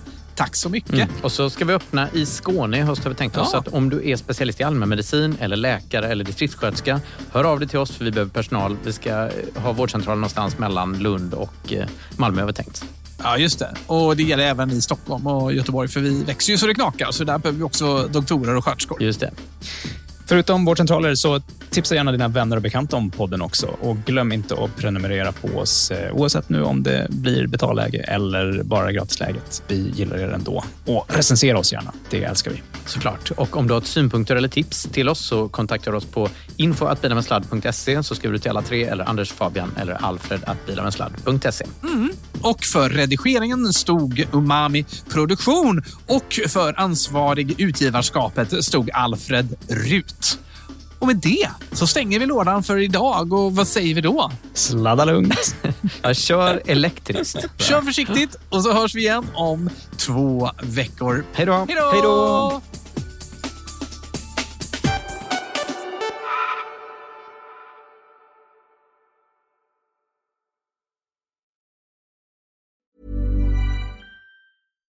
Flexibility is great. That's why there's yoga. Flexibility for your insurance coverage is great too.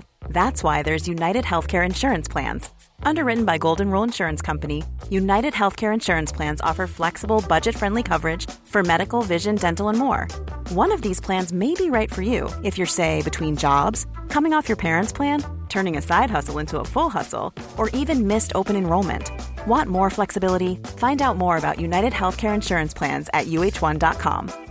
Imagine the softest sheets you've ever felt. Now imagine them getting even softer over time. That's what you'll feel with Bowl and Branch's organic cotton sheets. In a recent customer survey, 96% replied that Bowl and Branch sheets get softer with every wash. Start getting your best night's sleep in these sheets that get softer and softer for years to come. Try their sheets with a 30-night guarantee. Plus, get 15% off your first order at bowlandbranch.com. Code BUTTERY. Exclusions apply. See site for details. Mom deserves the best, and there's no better place to shop for Mother's Day than Whole Foods Market. They're your destination for unbeatable savings, from premium gifts to show-stopping flowers and irresistible desserts. Start by saving 33% with Prime on all body care and candles. Then get a 15-stem bunch of tulips for just $9.99 each with Prime. Round out Mom's menu with festive rosé, irresistible berry chantilly cake, and more special treats. Come celebrate Mother's Day at Whole Foods Market.